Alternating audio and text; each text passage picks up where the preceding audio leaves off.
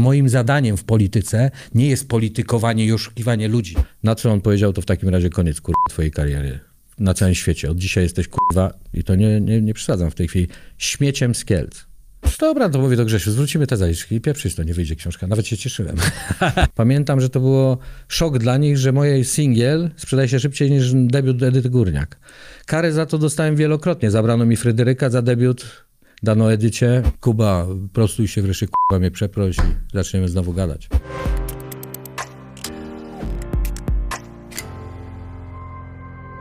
A więc tak.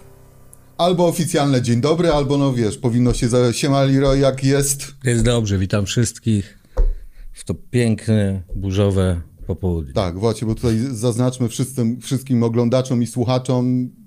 Przyjechał Leroy, rozpętała się burza za oknem, także będą jakieś tam efekty dźwiękowe. No nie mogło być zbyt spokojnie, rozumiem, zbyt, zbyt nudno. No nie, nie. Wieziemy za sobą niezłą burzę. No Dobra tak. płyta, 25-lecie, powinno grzmieć. No właśnie, bo zupełny zbieg okoliczności, chociaż nie wierzymy w No zbiegi tak. okoliczności. Umówiliśmy się na tę rozmowę, ona będzie opublikowana e, z parodniowym Mhm. opóźnieniem, ale zaznaczmy, mamy dziś 25-lecie wydania albumu. I to dzisiaj, dokładnie dokładnie 25 lat temu wyszedł 10 album ze scyzorykiem. 10 Kultowa już płyta lipca. dzisiaj. Wow, No, niesamowite. okazja idealna. Jak tam zleciało 25 lat? Posłuchaj, powiedz. Aż za szybko. Dziś tak, kurde, wiesz, zastanawiając się nad tym wszystkim, ja pierdzielę, ja pierdzielę, ćwierć wieku. No. Ja przypominam sobie, słuchaj, w momencie, kiedy wyszła ta płyta, ja tam byłem jakoś po 17, e, choć i tak moja mama, mam nadzieję, że nie będzie oglądała, słuchała tej rozmowy, bo nie byłaby zbyt zadowolona. Jak to nie mamy w była tamtych czasach. Tak, o to chodzi, że wiesz, pewne rzeczy, które po latach dopiero też w tych tekstach człowiek zaczął wyłapywać, no ale wiesz, dla zgredów No to tak, była tak. rzecz pełna wulgaryzmów i Tak. tak dalej, i tak dalej. Chodzi mi właśnie, wiesz, o nie zdezaktualizowanie się pewnych Niestety, rzeczy. niestety. Ale co, nie, ale No niestety nie, zde, zde, nie zdezaktualizowały się rzeczy, wiele kawałków jest ciągle na czasie. I wiesz, na przykład do ślebody. A, właśnie, no tak. E, to są kawałki, które dzisiaj równie dobrze można było nagrać z niewielkimi szczegółami, tam praktycznie prawie z żadnym pokrywają się z dzisiejszą rzeczywistością i to jest przykra, prawda, bo spotykamy się po 25 latach. No tak. I po Odsyłamy 25 wszystkich do latach Polska tego- jest tego- dokładnie w tym samym miejscu, kiedy nawijałem dwa, ten, kawałek ma więcej, bo ja go napisałem ponad 30 lat temu. Mhm. Chociaż nie, 20, 27, 28, jakoś tak jak e, Gumiś wtedy mocno szalał po Polsce i bo- podkładał bombę. Tak, tak. Więc chyba ten gumiś się najbardziej zdezaktualizował, Tak, natomiast tak. cała reszta, rząd, prezydent do dupy, Tak kościół, który... Konstytucja kontrol- znowu. Wszystko jest na czasie. Straszna, Niestety, no straszna wizja. Ale jakieś plusy? Znaczy, bo Kurczę, pewnie plusy, jakieś- no plusów jest dość dużo, no, że znajdujemy się w trochę innej rzeczywistości, no nie ma co mówić. Ja pamiętam dokładnie, w którym miejscu byliśmy w 95 roku, a jak jest teraz, jak e, powiedzmy, jakie zasoby ma dzisiejsza rodzina, oczywiście to uśredniam w tej chwili, a jakie miała wtedy, jakie perspektywy miały dzieciaki, a jakie mają dzisiaj. Te perspektywy niestety one bardzo się nie zmieniły. Ja to widzę szczególnie jak spotykam się z młodymi ludźmi, jak jeżdżę po kraju. Tu akurat e, najczęściej, nie tylko politycznie, ale też e, do niektórych szkół jeżdżę, opowiadam e, o mojej karierze, o tym, tak, takie motywacyjne gadki. No to z młodzieżą, jak rozmawiam, bardzo często niestety łapię się na, y, na tym, że e, dokładnie byłem w takiej samej pozycji jak oni. Przed maturą widziałem przez moich kolegów z Politechniki, gdzie chciałem po maturze iść, że pracy raczej nie dostanę i żebym sobie dał spokój z tym, bo oni poważni panowie po Politechnice, y, niektórzy już nawet y, mieli y, już doktoryzowali się i wiedzieli, że z pracą będzie krucho, więc y, dlatego też wyjechałem. Nie zdawałem matury, uciekłem za granicę y, szukać y, szczęścia do Francji. I w tamtym momencie, tak jak dzisiaj rozmawiam z młodymi, to taki sam moment. Tak samo niepewność, jeżeli chodzi o przyszłość, jeżeli chodzi o pracę po szkole, o znalezienie stanowiska, odnalezienie się w rzeczywistości tej, w którą się wchodzi w dorosłe życie. I no, analogii jest aż za dużo. I mm, z jednej strony to jest trochę inna rzeczywistość, z drugiej strony dla wielu ludzi z niektórych warstw społecznych tak jakby czas stanął. I e, no właśnie, to jest to, co mówię, co dla kogo się zmieniło. Dla niektórych się nie zmieniło wiele od tego 95 roku. Dalej ledwo wiążą koniec z końcem, mają problemy z znalezieniem pracy, z kontynuacją nauki. No, e, problemy są niestety ciągle te same niektóre. Starałem się wchodząc do polityki trochę e, tak jakby ludziom e, z- zdjąć z karku niektórych problemów i udało mi się. Natomiast no, to jest za mało, to jest za mało. My potrzebujemy, to jest to, o czym mówiłem zresztą tutaj wiadę raz na politykę, już nie będę chyba wracał podczas tego wywiadu. To jest wczoraj miałem rozmowę a propos kandydatów i tego e, wszystkiego, co przed nami czeka. No i niestety s- gorzka prawda jest taka, że bez względu na wynik nic się nie zmieni. Nic. Ponieważ dalej jesteśmy w tej matni, tak jakby dalej wybieramy w pułapce. Nie widzimy, że żeśmy nie wyszli w ogóle z tej pułapki na myszy, że nie jesteśmy w ogóle w zupełnie innym świecie. Dalej jesteśmy w tym samym, tylko się zmienia kolor pułapki i rodzaj wabika. I ciągle, ciągle tam jesteśmy. To jest właśnie przykre. Bardziej bym chciał dzisiaj, jeżeli dzisiaj bym powiedział, że doszło do, że znajdziemy się w zupełnie innym kraju, to tylko w sytuacji, w której byśmy byli poza tym układem dwojga, czy tam trojga w sumie nawet, który trzeci już się kruszy na szczęście. Potrzebujemy świeżej, e, świeżej krwi w polityce. Potrzebujemy świeżych młodych ludzi, którzy są odważni, nie boją się ryzykować i przede wszystkim nie przedkładają e, mniejsze zło nad swoje, nad swoje własne przemyślenia. Bo w wyborach my też tkwimy w tej matni, dlatego że ciągle wybieramy to mniejsze zło. Nie powinniśmy. Powinniśmy się odważyć. Ja się odważyłem parę razy i wybrałem po prostu tak jak, znaczy wybieram tak już od lat świadomie, tak jak uważam. Nie zastanawiam się nad tym, czy wygra mój kandydat, czy przegra, tylko czy mam takie poglądy i czy bym chciał, żeby taka osoba mnie reprezentowała. My zapomnieliśmy już dawno o tym.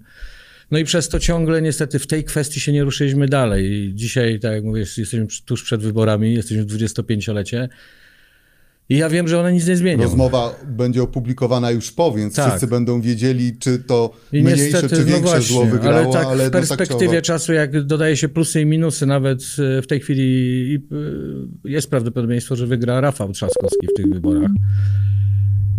No niestety, mimo że znam Rafała, bardzo go lubię, no to No walka z ty jaką będzie musiał się... Wspierałeś go gdzieś tam Walka, z jaką, w jaką czasy, będzie tak. się musiał w tej chwili wplątać, no to mm, no na tyle jak go znam, na tyle na ile wiem, na ile będzie miał ruchów, niestety nie, nie, nie, nie, nie rokuje tutaj żadnych nadziei, przynajmniej dla nas. No będzie to najbliższe parę lat starć pomiędzy dwoma ugrupowaniami, czyli to, co mieliśmy serwowane przez e, długi czas. Więc największa zmiana, jakiej bym ja oczekiwał, to byłaby ta, kiedy nie mielibyśmy ciągle tego samego, wybieram mniejsze zło. To samo było w wyborach 89 i cała reszta. My się nie możemy pozbyć tak naprawdę tego e, piętna w sumie ciągle tego wyboru mniejszego zła. I to, to, to, to mnie przeraża. Dlatego też tak niewiele się zmieniło. To jest też odpowiedź na ten kawałek, odpowiedź na resztę, bo cała reszta wypływa właśnie z tego. Czy my mamy kogoś, kto rusza to, że nie siedzimy w tym e, kołowrotku e, cały czas tego chomika, tylko że faktycznie idziemy już po twardej, mocnej ziemi po swoje. Idziemy po swojej ziemi e, i mamy świadomość tego, co nas czeka jutro, a dzisiaj tego nie mamy. Ciągle biegamy w tym kołowrotku. To podsumowując ten temat I, polityczno-wyborczy, ksio, tak, i, i, I przy okazji tej premiery, tak y, kończąc, no życzyłbym nam wszystkim tak naprawdę, żebyśmy za 25 lat, o ile dożyję kolejnych 25 lat, jak się gdzieś spotkam i będę podsumowywał 50 lat tej płyty, no to życzyłbym sobie właśnie tutaj tej zmiany. Okej. Bo ta zmiana zmieni wszystko. Zdezaktualizuje moje teksty, zdezaktualizuje sytuację, która wtedy była i którą mamy w tej chwili. No to smutne konstatacje trzeba z przymurzeniem oka Tak zamknąć. A propos dat i życzeń, no bo kolejny zbieg No tak. okoliczności, dziś, dziesiąty, Dziesiąty. 12 w twoje urodziny odbywają się Tak, wybory, druga tura, więc tutaj będziesz Rozumiem, że w tej sytuacji na mega super wypasiony prezent nie liczysz, ale ten, ten prezent mniejsze zło, rozumiem. Tak Nie, no tutaj. właśnie, mój jeden, ten nie dostanę tego prezentu, co bym chciał. Nie chciałbym wybierać mniejszego zła. Chciałbym, że- jeżeli miałbym sobie życzyć właśnie na prezent 12, no to liczyłem na to, że ten 12 to będą wybory właśnie, kiedy będę miał pewnego kandydata, który będę, będę wiedział, że nie jest w żaden sposób upolityczniony i że faktycznie przez najbliższe 5 lat mam, e, mogę mieć e, jedną rzecz pewną, że będzie reprezentował obywateli, a nie będzie gdzieś tam wplątany w gry polityczne, nie jest, że nie jest umoczony w jakiekolwiek gierki par- partyjne. I to by, był, to by był piękny dzień, ale skoro nie mogę sobie takiego prezentu już wybrać. No to na to razie tak cieszmy naprawdę- się z 25-lecia Tak, płyty. dokładnie, I... no. Chociaż precyzyjniej kasety, bo 10 Tak, bo wyszła płyta kaseta, wyszła- 4 tak. sierpnia, ale i wracając do, do tego dnia, no bo wiesz, w momencie, kiedy kaseta pojawiła się w sklepach, znała cię już cała Polska. No w maju wyszedł singiel, no Scyzoryk śpiewali, śpiewali Tak. wszyscy. Puch, totalna, totalna rozwałka, również sprzedażowa, no do dziś jest Ja w ogóle nie wiedziałem, co się dzieje wtedy. Właśnie, bo to, bo to też pojęcia. ciekawy wątek, a propos wydawców, ble, ble, ble i tak dalej, i tak dalej. E, Byłeś mega gwiazdą, która klepała biedę. Tak, do, Na chleb zbierałem codziennie, dosłownie. To nie jest żart taki. taki Bo kasę dostałeś gdzieś dopiero po upomnieniu Jesień, się na ostrym jesieni. i po Dostałem, e, 400 chyba ponad Pieniądze dostałem późną nie? jesienią dopiero, kiedy wymogłem tak naprawdę na wytwórni e, to, żeby wreszcie się rozliczyła ze mną. Mm. No to dłu- długa historia. Na szczęście w biedzie żyłem i w biedzie byłem wychowany, więc to nie było nic złego dla mnie. To była moja na, naturalna rzeczywistość. Musiałem sobie radzić codziennie z tym życiem. Ale fakt, byłem e, zszokowany, kiedy widziałem e, tą dysproporcję. Z jednej strony widziałem zasięg mojej muzyki, że jest wszędzie. Nie sądziłem, że będę tak rozpoznawalny, bo jednego dnia stało się to, że każdy od młodego po starego nagle zaczął mnie dostrzegać na ulicy. To było dość dziwne, bo no to jest dość dziwne. U każdego człowieka to jest efekt taki, ktoś kto to przeżył może zrozumieć, a już y, kiedy masz to wyśrubowane na maksa, no zaczyna to w pewnym momencie przerażać, bo ludzie od ciebie coś chcą. Nie możesz przejść ulicą, to jest taka podstawa. A żeby przypomnieć ludziom, jak duża wtedy była, duże szaleństwo na tą moją osobę i, i płytę, to jak pojawiałem się na osiedlu, jak był blok taki 10-12 piętrowy, on był wypełniony ludźmi po brzegi. Każda klatka Cieczki. i na zewnątrz, jak się wyglądało na, wyglądałem przez okno na osiedle, była czarna masa po horyzont. Ludzie się z wszystkich osiedli schodzili tam, gdzie się pojawiałem. No to było z jednej strony fajne, no bo gdzieś czujesz, że ta muzyka twoja ma zasięg taki, jakiego nawet się nie spodziewałeś, że może mieć. Ale z drugiej strony nagle musiałem zrozumieć, że moje życie prywatne gdzieś się totalnie skończyło. Mimo, że go tak naprawdę prawie nigdy nie miałem jakoś szczególnie, bo miałem od mło- młodych lat problemy jakieś z prawem, e, z rodziną i gdzieś tam ta moja prywatność i tak gdzieś zniknęła na osiedlu. Każdy wiedział, kim jestem, co się u mnie w domu dzieje i jakie ja mam życie, to w tamtym momencie już zrozumiałem, że no już moje życie już nigdy nie będzie wyglądało tak samo, że to jest moment, w którym e, no, z- moje życie się zmieniło diametralnie. Ale to, co mnie najbardziej przeraziło, to to, że wszyscy ode mnie coś chcieli. Ja nic nie chciałem od ludzi. Ja wydałem płytę. Ja tak naprawdę chciałem grać tą płytę, mieć rodzinę i tyle. No i spełniać się w życiu. A tu nagle każdy ode mnie coś chciał. Każdy. Każda na- najmniejsza osoba coś ode mnie oczekiwała. I spełnienie tych marzeń było niemożliwe praktycznie. Z drugiej strony ten napór ludzi do tego, że mam e, gdzieś tam spełniać ich nadzieje, był e, przeraźliwy. Dlatego też druga płyta nie była tym, czego ludzie oczekiwali. Tym, czego oczekiwała moja wytwórnia i wszyscy znawcy, żebym został tak, no milionerem nag- i sławny na wszechczasy. Tak, bo wszyscy roczne. mi mówili, zrób po prostu drugi album. Ale album był, z, ja go pisałem całe lata. To była moja wypadkowa mojego prawie całego dzieciństwa i młodzieżowych lat. Ja go pisałem wiele lat. Nie mogłem zrobić drugiego albumu, bo to już nie byłem ja. To już nie był ten. Dlatego Bafangu to był moment, w którym siedziałem, pisałem dużo pod nokturny Chopina. Kocham Chopina, szczególnie nokturny. Jest to mocno soulowa muzyka, jeżeli ktoś rozumie o co chodzi. Tam soulu nie brakuje. Zresztą tak odkryłem przed wieloma producentami na zachodzie Chopina i nokturny. Pierwszym, który to zobaczył, był Malcolm McLaren, który mi zlecił produkcję całej swojej płyty. Pamiętam, e, moją demówkę przesłał, bo poznaliśmy się zanim wydałem płytę. Poznałem go, jak przyleciał pierwszy raz do Polski. Wszedłem z winylami poprosić, zresztą mam zdjęcia z tego autografy, no bo Malcolm McLaren przede wszystkim mnie się kojarzył wtedy, chyba nikomu w Polsce, niewielu osobom się kojarzył z, z kawałkiem Three Buffalo Girls. A wszyscy wtedy pamiętali kawałek, wtedy hitem było Pari Pari chyba. Był totalnie inny kawałek. Dla mnie Malcolm McLaren był jednym z prekursorów takich ojcy, ojców, którzy zauważyli hip-hop w- na przełomie lat 70. i 80. w Stanach. Pojechał, nagrał ten, ten materiał świetny i Dagrak się płyta nazywała, zresztą z nią przyszedłem po autograf. Wtedy go poznałem pierwszy raz. Y, Byłem bardzo zdziwiony, kiedy w 95 roku, 6 roku na wiosnę chyba, albo 95 na jesień chyba, zaraz po trasie, tak, po trasie, dostałem informację, że Malcolm McLaren jest w Warszawie i bardzo chce się ze mną spotkać. No to było takie e, no, rozmowa krótka, co się wydarzyło przez te parę miesięcy, jak się nie widzieliśmy. E, No, że się zmieniło wszystko diametralnie i wtedy pamiętam, e, to była jego podróż, chciał otwierać firmę odzieżową w Polsce, do Łodzi, podróżował po Polsce szukając szwalni.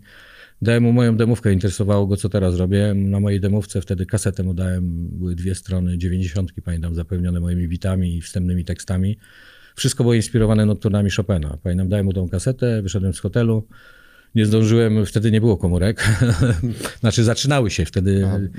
Na trasie miałem pierwszą Nokię, potem sobie kupiłem, pamiętam, to były pierwsze te, ale jeszcze wtedy nie miałem e, chyba komórki przy sobie. Pamiętam, że dojechałem na stacjonarny, dostałem od menadżera informację, że McLaren prosi o to, żeby spędzić z nim więcej czasu, że zaprasza, e, ma kupę pytań. Kiedy go spotkałem, był w szoku, powiedział, co to jest za muzyka w ogóle. Wow. Ja powiedziałem mu, że to jest Chopin. On powiedział, że to jest niemożliwe. Ja mówię, no Chopin po moich przeróbkach. Mówię, to wszystkie obity są inspirowane nokturnami Chopina. Dostałem bardzo szybko propozycję przyjazdu do Londynu. Powiedział, czy może wykorzystać. Pamiętam, że za- zadzwonił do mnie po tym spotkaniu, zapytał się, czy może pracować nad tym, co mu dałem. Ja robiłem dużo wtedy bitów, już nawet te bity trochę się zdezaktualizowały u mnie, bo już siedziałem nad kolejnymi na płytę Bafangu. Powiedziałem mu, że spokojnie może sobie nad tym siedzieć, kombinować. Nie, nie sądziłem, że się odezwie po raz kolejny. Dostałem potem telefon, pamiętam, wyjeżdżałem nagrywać płytę do Stanów w Bafangu, przygotowywałem, już wynająłem studio, jechałem, leciałem do Stanów, dostałem późnym, późno wieczorem telefon. Lat, e, pamiętam, że rano miałem wylot do Stanów chyba, czy do, dobę później. Zadzwonił Malcolm McLaren. Powiedział, że mam się zameldować w londyńskim studio, że usłyszy, co zrobiliśmy z moją płytą. Powiedziałem mu oczywiście, że super, że dzwoni, ale mam studio w Nowym Jorku i no wiadomo, że dzwoni Malcolm, ale w Nowym Jorku czekali moi przyjaciele też z Lords of Brooklyn, wielu raperów, którzy centralnie byli umówieni na sesję nagraniową ze mną. Był jeden producent, dwóch kompozytorów, z którymi siedziałem. I powiedziałem mu, no mam zobowiązania. E, On wiele słuchając kupił bilet, po prostu powiedział, że kupił bilet do Ameryki, mam zostać w parę dni w Londynie i pracować nad materiałem. No trudno zrezygnować z takiej szansy. Zadzwoniłem do Londynu, do Nowego Jorku, powiedziałem, że będę parę dni później, przełożyłem studio. Wleciałem do Londynu i usłyszałem swoje kawałki. Byłem w szoku w ogóle, co McLaren zrobił z tymi kawałkami. Zaprosił kilku producentów znanych, zresztą do dzisiaj znanych z Londynu. E, Zebrał duży team znanych ludzi i puścili mi to, co zrobili. W szoku byłem. Posiedziałem tam w tym Londynie, nagrałem. e, Stwierdził, że pierwszy singiel musi być na Japonię po polsku. Napisałem do tego tekst, który wszedł zresztą na moją późniejszą płytę w trochę zmienionej wersji.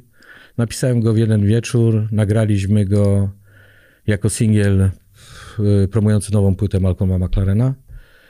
No i wyleciałem do Nowego Jorku. Resztę miał przygotować, miał mnie informować, jak y, w, w Tokio wydanie materiału. Mam przylecieć na promo, bo mieliśmy lecieć do Japonii na pierwsze promo płyty, bo to Polska i Japonia miały być strategiczne. Reszta już stała się historią. McLaren dostał pilny telefon, jak to powiedziała jego asystentka, do... Zadzwonili ludzie z Tybetu, poleciał na chwilę do Tybetu, potem e, życie się tak zmieniło, że umarł. No i płyta nie wyszła, ale no to był dla mnie przełomowy moment taki, że muzycznie u mnie się bardzo dużo działo wtedy. Bardzo dużo ludzi, no oprócz takich wielu przytłaczających rzeczy było nie, cała masa niesamowitych rzeczy, tak jak z Malcolmem, z wieloma gwiazdami, z którymi pracowałem. No właśnie, no bo tutaj wiesz, pojawiały się rozmaite, wielkie nazwiska, gdzieś tam przewijały się przez twoją karierę, no włączając w to naj, najsłynniejszy szacun ze strony Ice'a T, prawda? Samego wiadomo. No ale z Ice'em się przyjaźnimy do dziś. Tak. O, proszę. To długa przyjaźń. Proszę. Więc z jednej strony ten szacunek artystów, z drugiej strony no, szacunek osób kupujących, no bo przypomnijmy rekord hip-hopu No sklepie ogólnie pokazali, pojętego, tak, tak, tak. ponad pół miliona albumu. W Czyli sumie- przypominam, żeby było więcej. Ja zastopowałem tą sprzedaż. E, Ona przy pół miliona egzemplarzy została przeze mnie zastopowana. Więcej płyt nie sprzedawaliśmy Mhm. i nigdy więcej nie wyszło więcej egzemplarzy. Teraz, teraz właśnie dzisiaj jest premiera, pierwszy raz na winylu wychodzi album. To też jest śmieszna rzecz, bo wydaje, tak samo wydałem z Tam Scyzoryka. jest ile? Do 250 egzemplarzy limitowane, tak? Eee, album pamiętam? chyba tak. Do 500 był scyzoryk. Dużo ludzi pewnie nie zdaje sobie sprawy, to są materiały od nowa zmiksowane. To jest w ogóle, one brzmią tak samo, bo zależało mi na tym. Wyciągałem wnioski z wydawnictw Prince'a i całej reszty, kiedy robili wznowienia swoich albumów. Okazało się, że ludzie byli tak przyzwyczajeni do pierwotnej Mo- wersji, że no nie do końca, nie do końca zrozumieli to, że m, ja też to rozumiałem, no bo to miał być materiał z 95. No tak. Zrobiliśmy kopię. E, W dwóch czy w trzech miejscach wychodzi instrument, który wcześniej nie grał, bo w pierwotnej sesji raz trąbka wyleciała, e, przepraszam, była wyciszona przez zbieg okoliczności, jej nie było, więc tą trąbkę odmutowałem. Eee, gdzieś jest sample, który nie- istniał wcześniej, taki w tle. Ogólnie niuanse, ale one są prawie niedostrzegalne. Dałem to dla moich najwierniejszych fanów, którzy kupią te 500 sztuk płyty, żeby zobaczyć, co zrobiłem. Płytę zrobiłem praktycznie kalką jeden do jeden. Eee, Zresztą, co jest zarzewiem teraz problemu, bo obecna firma Sony stwierdziła, że to jest dokładnie ta sama płyta, a nie jest. Przegrają tą sprawę, no co tutaj mówić, bo mam całą sesję No, nagraną, okej. że od nowa jest zrobiona, ale y, robią problemy. Do mnie bezpośrednio się nie zgłosili, zrobili problem wydawnictwu, które wydaje tą płytę. No będą płacić, jak zwykle. BMG Sono nic się nie No nauczyły ale do ty jesteś, wiesz, tutaj przyzwyczajony do, do płacenia grubych rzeczy. No przypomnijmy Tak. i, i, i jak gdyby zweryfikujmy pewną anegdotę a propos tutaj już tej umowy z BMG, że pewien Majors inny zgłosił się i ponoć piękny dom w Warszawie miałeś dostać. To nie był Majors, to nie był Majors, to jest e, świętej pamięci Rysiek Adamus, który odszedł ostatnio. Warszawa znała Rysia, wspaniały człowiek. Rysia poznałem, kiedy stawał się gwiazdą miejscową, to były początek 90 lat. Zaczął mocno szaleć z własną wytwórnią, która się nazywała Intersonus. Poznała A. nas e, koleżanka honorata, e, była ja, Jasia Borysewicza. E, Wtedy dość często się spotykaliśmy tu w Warszawie, ona mi pomagała jako producentowi, żeby, no ja byłem no-name'em Skills przez całe lata, ona wierzyła w mój potencjał, pozdrawiam Honoratę przy okazji, nie słyszałem cię kochana, nie wiem, już z 20 parę lat, chętnie bym cię znalazł, odezwij się proszę do mnie. E, No jej zawdzięczam to, że w Warszawie pokazywała moje nagrania. E, Dzięki Honoracie ja jako nieznany producent na początku lat 90. z Kielc y, już byłem gdzieś tam, mówiło się o mnie w środowisku, że robię rzeczy, których nikt nie robi w Polsce. Produkowałem wtedy muzykę nie tylko, no głównie rap, natomiast dużo produkowałem też niezależnie, bo jestem kompozytorem, więc chciałem produkować dla wszystkich, także muzykę mainstreamową, no bo jestem producentem i wydawcą, ja przede wszystkim, wtedy jeszcze wydawcą nie byłem, ale kompozytorem, więc Honorata mnie poznała z Ryśkiem, powiedziała, że wy się musicie poznać koniecznie i z, u, faktycznie w, jedno, w jeden dzień zakochaliśmy się w sobie z Ryśkiem, by zostaliśmy dobrymi przyjaciółmi. Wspaniały człowiek. Na przykład Rysiu, no, kto poznał Ryśka, no to wie dokładnie o czym mówię. Rysiek bardzo szybko, jak zobaczył, jakie ja mam zainteresowania i co robię, zapytał się, czy bym mu nie doradzał jako A&R. E, Stałem się takim nieoficjalnym A&R-em Intersonusa.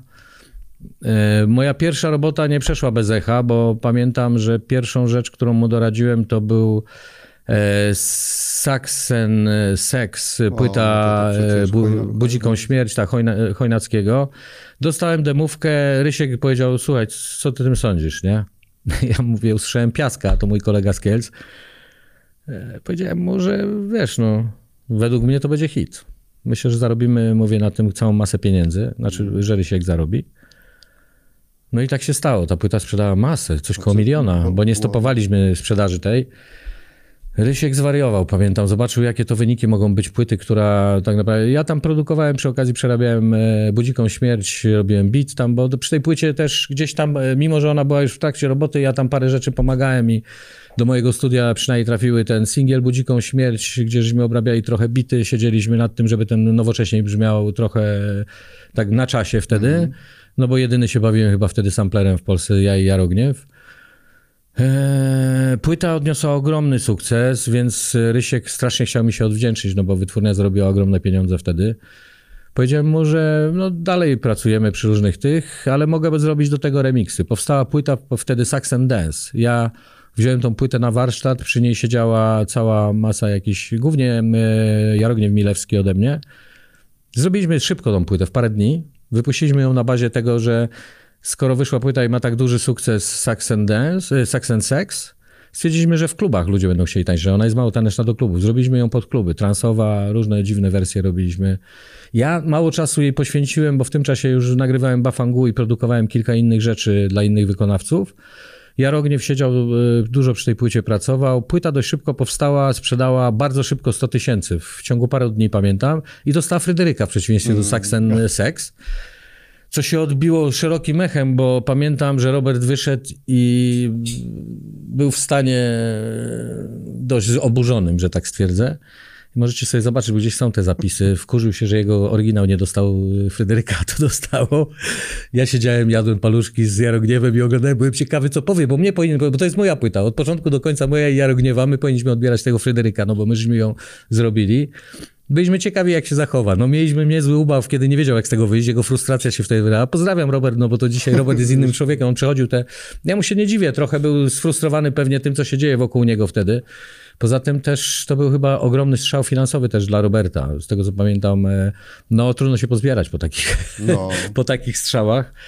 Płyta odniosła nasza sukces, zarobiliśmy parę złotych znowu, ten Saxon Dance, zresztą Rysiek nie rozliczył się do końca, ale Rysiu, dla ciebie wszystko. A propos w międzyczasie Rysiek, jak zauważył, nad czym siedzę, e, bo jego interesowało, co ja robię całymi dniami. Ja robiłem wtedy album. On mi zaproponował od razu za ten album, że on go wyda. Ja powiedziałem, że Rysiu, nie, no Rysiek, ja tu poluję, duża wytwórnia, ja to wydaję, chcę wydać na świat, mam e, potencjał, znam twoją firmę od podszewki już. Mówię, Rysiu, u ciebie nie. I pamiętam, Rysiek już w drodze, tak już był mocno do tej płyty napalony, zaproponował mi dom, e, zresztą tu na tym samym osiedlu, na którym się znajdujemy. Zaproponował mi tutaj dom, drogi, e, no dla mnie to marzenie. Ja wtedy nie miałem własnego konta, co dopiero dom. I to też przeważyło, bo powiedziałem, Rysiu, z całym szacunkiem, wiesz jak będzie wyglądała historia, ty wydasz moją płytę, płyta się super sprzeda, ja będę miał ten dom, nie dostanę pieniędzy, komornik zabierze dom, ja dalej będę bezdomny, bez pieniędzy z płyty i bez domu. No i Rysiek, pamiętam, Rysiek był oburzony, że ja, jak ja mogę go tak zbywać? Przecież on mi daje takie, ja powinienem z pocałunkiem w rękę to wziąć. I pamiętam, powiedział to w nerwach, ja tego nie pamiętałem, to mi Rysiek przypomniał. Mówi, że się wzburzył mocno i powiedział, a ile ty myślisz, że tej płyty sprzedasz? I ja na kartce, która była taka A4, od razu wziąłem flamaster i napisałem minimum 400 tysięcy płyt. Ja tego nie pamiętam. On mówi, że to do dzisiaj trzyma, teraz już nie trzyma bidny, ale ponoć gdzieś trzymał tą kartkę na pamiątkę swojej największej przegranej. I on to gdzieś w jakimś wywiadzie powiedział, że największa przegrana w jego życiu to nie podpisanie ze mną kontraktu.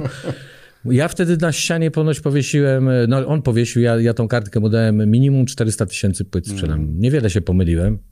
Nie wiem skąd to wziąłem, pamiętam, ale wychodzi na to, że No, nie jestem uwagę złym producentem. wyniki sprzedaży płyt, to te 100 tysięcy w te czy we w te, to No właśnie, duża różnica. tak, tak, tak. A Ale wtedy proszę, to a propos tych szalonych lat 90., piractwa, które wtedy no przecież... Ogromne było, tak. Szacowałeś kiedyś, ile naprawdę Tak. twoich E, rzeczy się rozeszło? Tak, to były oficjalne wtedy.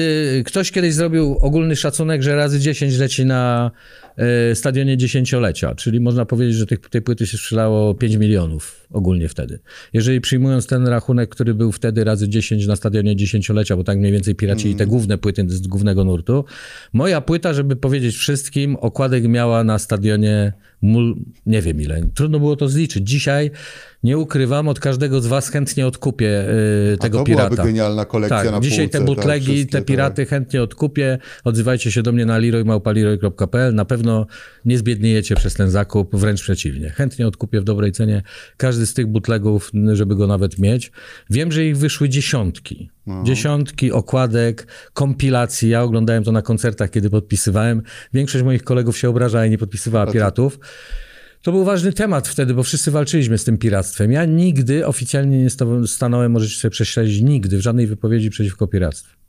Nigdy, bo to jest walka, walka z wiatrakami. Nie można wygrać, szczególnie w tamtym e, ustroju. e, I kiedy, nie wiem, czy ludzie pamiętają, ZAX dopiero budził się do życia. Prawa Znaczy, tak, autorskie. No, no wtedy, bo ja... wiesz, Odnowiony był ogóle bo słowo- oczywiście istnieje dużo dłużej. Natomiast o piractwie z Tak, dzisiejszej tak, perspektywy, tak, no tak, bo tak. wiesz, prawodawstwo też było inne, no nie, to nie było Wszystko było inaczej. No wiesz, nawet w tak. 95 roku, kiedy ja używałem sampli na płytę 94, 3, chciałem je sklirować, jak się to dzisiaj mówi, nie było to możliwe. Ja to zgłaszałem do dużych wytwórni wszędzie. Każdy mnie olewał.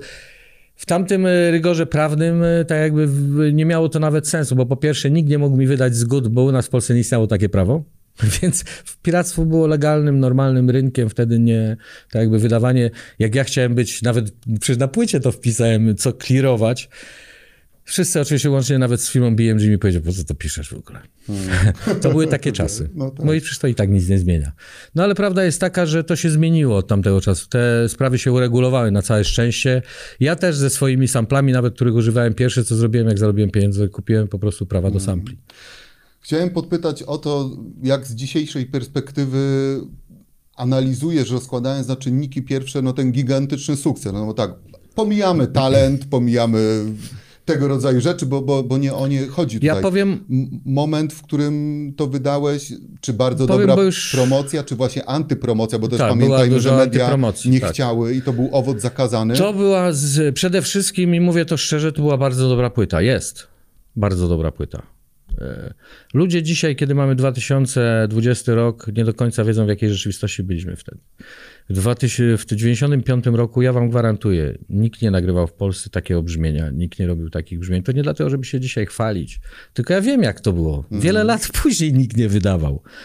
Moje, e, ja stawiałem i, moja, i ekipa, którą zebrałem, zresztą międzynarodowa, stawiałem na jakość dźwięku. Ja chciałem pokazać w Polsce, że możemy tworzyć muzykę, która nie odstaje niczym od Stanów. Zresztą tak się stało. W 95 roku, kiedy przyleciałem do Stanów Zjednoczonych, wytwórnia mnie przyjęła praktycznie jak gwiazdę światowego formatu. Były limuzyny na po- porcie lot, w porcie lotniczym. e, Poznałem wtedy całą, byłem, było mi to dane, że poznałem Notoriusa, bo to była ta sama wytwórnia. Poznałem całą masę artystów wtedy, kiedy przyjechałem do Nowego Jorku. Poznałem cały zarząd. No ta płyta namieszała strasznie za granicą. Gdyby ona była tylko regionalnym jakimś wyskokiem, to, to by do dzisiaj była. Ona była, ona się odbiła po całym świecie. Ludzie nie zdają sobie sprawy, że w ciągu pierwszych trzech miesięcy odbyło się sympozjum w Londynie, fenomen Leroya. Zebrali się wszystkie e, szefowie wszystkich wytwórni światowych majorsów i w Londynie odbyło się sympozjum, e, napisane było fenomen Leroya. Słowo, wiem to od ludzi, którzy wtedy pracowali, choćby e, Piotra Nagłowskiego, który był szefem BMG, Romka Rogowieckiego. Zebrali się z całego świata, żeby się zastanowić, dlaczego taki chłopak, jak ja w Polsce, znikąd, nagle wyszedł z płytą, która... Ludzie też nie wiedzą, że ja toczyłem mocny bój, bój z wytwórnią. Moja wytwórnia była przeciwko, znaczy niby za płytą, ale ją cały czas e, bojkotowała. Ja największy... Największe problemy miałem z wytwórnią, nawet nie z mediami, bo ja się mediami nie zajmowałem. Dla mnie nie miało znaczenia, czy media będą promowały tą płytę, prawdę mówiąc. Chciałem ją wydać. Dla mnie najważniejsze było wydanie tej płyty, bo ją dość długo w sobie trzymałem. I, a firma BMG ze mną toczyła non-stop boje, zresztą które przegrali wszystkie. I najgorsza przegrana była, pamiętam, kiedy wychodziła epka Scyzoryk. E, zadzwoniono do mnie do studia. E, jeden z gości na- zaczął na mnie krzyczeć w pewnym momencie, co dość krótko skwitowałem i powiedziałem, co z nim zrobię, jak zaraz wsiądę w pociąg. Na co on powiedział, to w takim razie koniec, kurwa, twojej kariery. Na całym świecie. Od dzisiaj jesteś, kurwa, i to nie, nie, nie przesadzam w tej chwili, śmieciem z Kielc. W tym momencie ja mu powiedziałem, że ja mu pokażę, gdzie się śmieci segreguje i że jadę w tym momencie do Warszawy i proszę to wszystko na piśmie. I dali mi to na piśmie. Zrezygnowali z całej płyty tuż jak epka wyszła.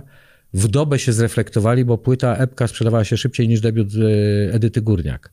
Ja zapisałem wtedy w kontrakcie, że mam prawo tą epkę zatrzymać w każdym momencie, ponieważ całą płytę wydaje moja wytwórnia, a scyzoryk jest na niej inne kawałki i ona może w pewnym momencie źle wpływać na sprzedaż mojej, więc mogę wycofać tą płytę. I wycofałem ją przy 27 tysiącach, które pyknęły moment. Pamiętam, że to było szok dla nich, że moje singiel sprzedaje się szybciej niż debiut Edyty Górniak. Karę za to dostałem wielokrotnie. Zabrano mi Fryderyka za debiut, dano Edycie, ludzie też o tym nie wiedzą. Dostałem trzy Fryderyki w 95, jednego mi zabrano przed główną galą. Eee, no to takie, ze mną walczyła cała branża, ale co najgorsze, walczyła ze mną moja wytwórnia, która miała mnie bronić i miała stać za mną. Miałem non-stop walkę, więc osobą, która wierzyła w tą płytę, ja nie ukrywam do dzisiaj, żebyście mnie źle nie zrozumieli, że ja dzisiaj jakoś się na tym wożę. Byłem jedyną osobą, która wierzyła w tą płytę.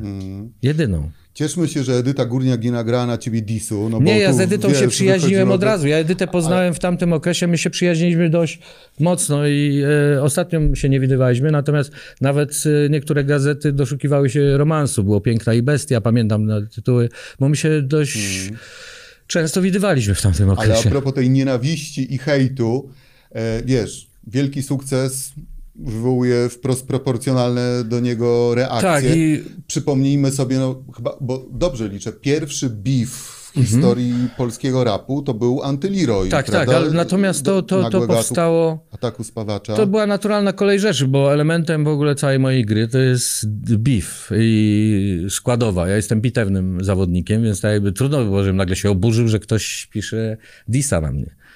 Nie, no pomijając to, że był to autodis, sami siebie zdisowali wtedy i ten beef wygrałem na każdym etapie w ogóle. Nigdy inaczej nikt Ale nie z dzisiejszej perspektywy, bo teraz E- Mhm. słuchając swoich wypowiedzi a propos na przykład dobrych rzeczy, które dziś powstają w polskim Tak. rapie, tam pamiętam wy- wymieniałeś PZ, Sokoła, ale między innymi Peje też. Tak, z Ryśkiem się kumplujemy. I właśnie o to chodzi. Powiedz mi z perspektywy czasu, jak to wszystko wygląda. Przypomina mi się niedawna rozmowa notabene z chłopakami z, z Płomienia 81 Mhm. i też właśnie Onar, który opowiadał o tym, że do pewnego etapu nakręcasz się strasznie i traktujesz jako Bardzo artysta rzeczy bardzo osobiście. Później jest dojrzałość, Tak. do tego jest jeszcze czas. Wentyl c- jest Tak. ten- Ja miałem, poznałem, zresztą ostatnio spotkałem się z Onarem u siebie tutaj na ulicy. też pozdrawiam, Pozdrawiamy, pomachać. Tak, pozdrawiamy. Tak, tak. E, Ja e, wiedziałem, jaki będzie reakcja środowiska, bo ja, ja się wychowałem na osiedlu. Ja miałem takie bify na co dzień, kiedy byłem nietuzinkową postacią na osiedlu. Uciekałem z chaty i ja już to przeżywałem. Hejt ze strony najbliższych i tak dalej. A co dopiero hejt ze strony całej branży, kiedy wydaje się coś takiego. Bolało to trochę, ale nie zawracałem sobie tym głowy. Ja kiedy widziałem swoich kolegów w wystąpieniach gdzieś w telewizji, kiedy po, po mnie cisnęli, ludzie, których sam z nimi wielokrotnie siedziałem, nagrywałem, na, czy nagrywałem, czy spotykałem się i gadałem o hip-hopie całe lata i byli wpatrzeni we mnie jak w obrazek, kiedy byłem tym Leroyem, który przyjeżdżał znikąd i nikt nie znaczył.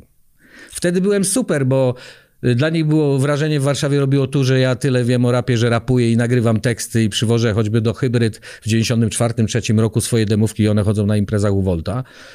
Wtedy byłem przyjacielem. W momencie, kiedy odniosłem sukces, stałem się wrogiem numer jeden, no bo zrobiłem z Kielc stolicę rapu, a nie Warszawa. Zabrałem wszystko. Zabrałem korona, wszystkie insygnia, rozsiadłem się na tronie No, i miałem wszystkich. niebezpieczny korona, całe temat. życie, ta właściwa. I To już wiemy, słuchajcie. kto przywiózł koronę do Polski, proszę. E, I e, no to mogło z ludzi wkurzyć, szczególnie w takim stylu. No to była kolej rzeczy. Śmieszne było to, że wiesz, jak spotykałem moich znajomych z Warszawy czy gdzieś, to dalej byliśmy kolegami.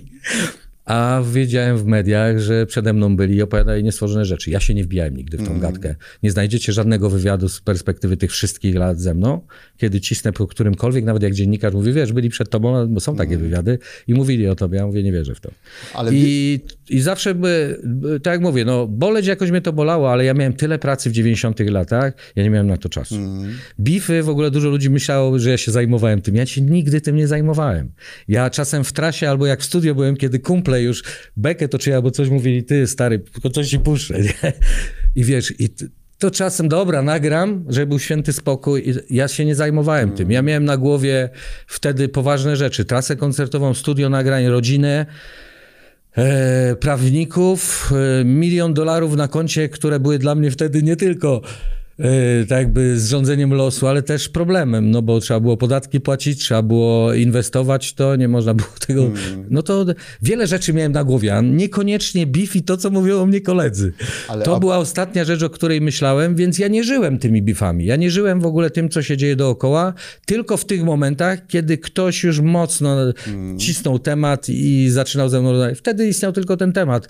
Ja się skupiłem na nagrywaniu kolejnych płyt. Y, Dużo przebywałem też wtedy za granicą, trzeba stwierdzić, bo od 96 roku było tak, że pół roku siedziałem w Polsce, pół roku w Stanach. Dużo nagrywałem z chłopakami z Lords of Brooklyn, już zrobiłem swoje miejscówki na Brooklynie, miałem swoją miejscówkę na Queens, siedziałem w studio, wtedy poznałem całą śmietankę gwiazd, których ce- cenię do dziś. Za, to były, dla, ten okres dla mnie był okresem dość twórczym. Ja nie zwracałem uwagi na tą całą otoczkę, co się wokół mnie dzieje. Tylko wtedy, kiedy ewentualnie dziennikarze mnie zapraszali do studia, się okazało, że to dotyczy tego, no nie lubiłem tych momentów, bo nie chciałem chodzić na wywiady. Ja zresztą rzadko chodziłem na wywiady, a już jak przychodziłem na wywiad i miałem czas, czas tracić na to, no to nie za bardzo mnie to interesowało. Były nagonki. Ja przeciwko sobie miałem wtedy wszystkich, pomijając to, że media nie grały i byli fajni, bo to nie chodzi o to, że dziennikarze nie chcieli mnie grać, bo wielu dziennikarzy chciało grać moją muzykę i dostrzegało potencjał. Natomiast wielu dziennikarzy za to traciło pracę albo byli zawieszeni, znani dziennikarze zresztą, którzy do dzisiaj pracują. No to był dziwny okres. Ja się zmagałem ze swoją płytą, bo najpierw, żeby ją wydać, musiałem sam w nią wierzyć, a potem, kiedy ona już odnosiła sukces, dalej stałem sam jak palec. Jednocześnie wszyscy ode mnie wszystko chcieli. Perspektywa się jeszcze bardziej zaciśniła, tak jakby ten y, gęsty dym się zrobił jeszcze bardziej gęsty wokół mnie, bo się wymagania jeszcze zwiększyły wobec mnie, a dalej byłem tylko pozostawiony samemu sobie. To taka, myślę, że psycholog miałby trochę te roboty, że to takie moje odrzucenie z dzieciństwa, ta walka samemu na osiedlach, te moje problemy z prawem od dzieciństwa, cała ta reszta, też może trochę mnie tak ustawiły do tego, że ja się nastawiłem do tego, że nigdy nie będę, będę sam, że idę tą drogą sam i nie mogę liczyć na to, że będą przyjaciele jacyś, że mało tego, najbliżsi zaczynają mnie po raz kolejny zdradzać. E, ci, którym wszystko dałem. I, tak, I tylko wzruszałem ramionami, bo wiedziałem, że tak będzie. Mało tego, tym znajomym powiedziałem kiedyś, to jest dziwne, że kiedyś mnie zdradzą i którego dnia to jak u Chrystusa, człowieku. Przy, Ale tak było, na konkretnym wzgórzu powiedziałem, zapieje. było tak, znanemu zespołowi powiedziałem w pewnym momencie przy piwie na parę miesięcy przed tym, co się stanie, dokładnie co się stanie i wtedy nie wierzyli w to, Mhm. a potem to się dokładnie stało, elementarzowo dokładnie to, co powiedziałem. To jest moje trochę przekleństwo, że potrafię E, chyba jak, myślę, że nie zawsze, ale mam taki dar czasem, nie tylko w muzyce jako producent i, i ten, ale w życiu w ogóle przewidzenia pewnych konsekwencji, bardzo często tych złych konsekwencji albo tych wydarzeń i one się potem dzieją. I taki dar, który nie wiem do końca, czy jest darem, bo z jednej strony, no może to też trochę zmieniło moje, moją psychologię, mo, mo, moje, mój sposób postrzegania rzeczywistości dookoła, że no mam prawie pięć dych, fakt, że jestem przyjaźnie nastawiony do wszystkich, ale chyba gdzieś w końcu głowy wiem, że jestem sam na świecie, nie? I to jest bardziej takie, co już wyniosłem przez całe życie gdzieś ze swojego życia. I ani mnie to nie męczy, to nie jest żadna jakaś e, przytyk, że ja mam z tego powodu problem, wręcz przeciwnie, chyba to mi pozwoliło wiele sytuacji w życiu przeżyć, ale z drugiej strony jest to smutne, bo e, nie doświadczyłem wielu rzeczy, które może doświadczyć człowiek na mojej pozycji i, i wykorzystywać te sytuacje dla swojego dobra. Nie umiem ich wykorzystywać, bo są w sprzeczności z, moimi, z moim kodeksem moralnym, a czasem może były takie dni, że żałowałem, że niektórych decyzji nie podjąłem, ale decyzje, które sam podejmowałem, e, są moje. Nigdy się ich nie wstydziłem.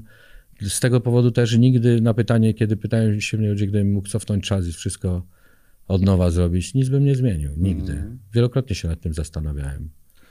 Jedynie ewentualnie tragedie życiowe, kiedy odeszli moi bliscy i tak dalej, no to naturalne, że może by się w takich kwestiach coś zmieniało, ale z takich decyzji, które podjąłem, nigdy bym nie, nie... To były moje decyzje. Ludzie mogą zmieniać swój los, kiedy wiedzą, że ktoś za nich podjął i wiedzą, żeby... z- Ja podejmowałem je osobiście i brałem na klatę wszystkie złe i dobre koleje rzeczy, które leciały za tym. I, I tyle, więc kończąc tak naprawdę ten temat, ten 95 rok dla mnie był taki słodko-gorzki. Z jednej strony zwieńczenie moich wieloletnich e, marzeń i, i tego, co było, z drugiej strony spotkanie się z tym, co spodziewałem się, że mnie spotka. Zresztą a propos takich rzeczy, można sobie obejrzeć wywiad ze mną, jest chyba w sieci i z Kubą Wojewódzkim, wtedy dla Polsatu pracował, halogramy chyba taki prowadził.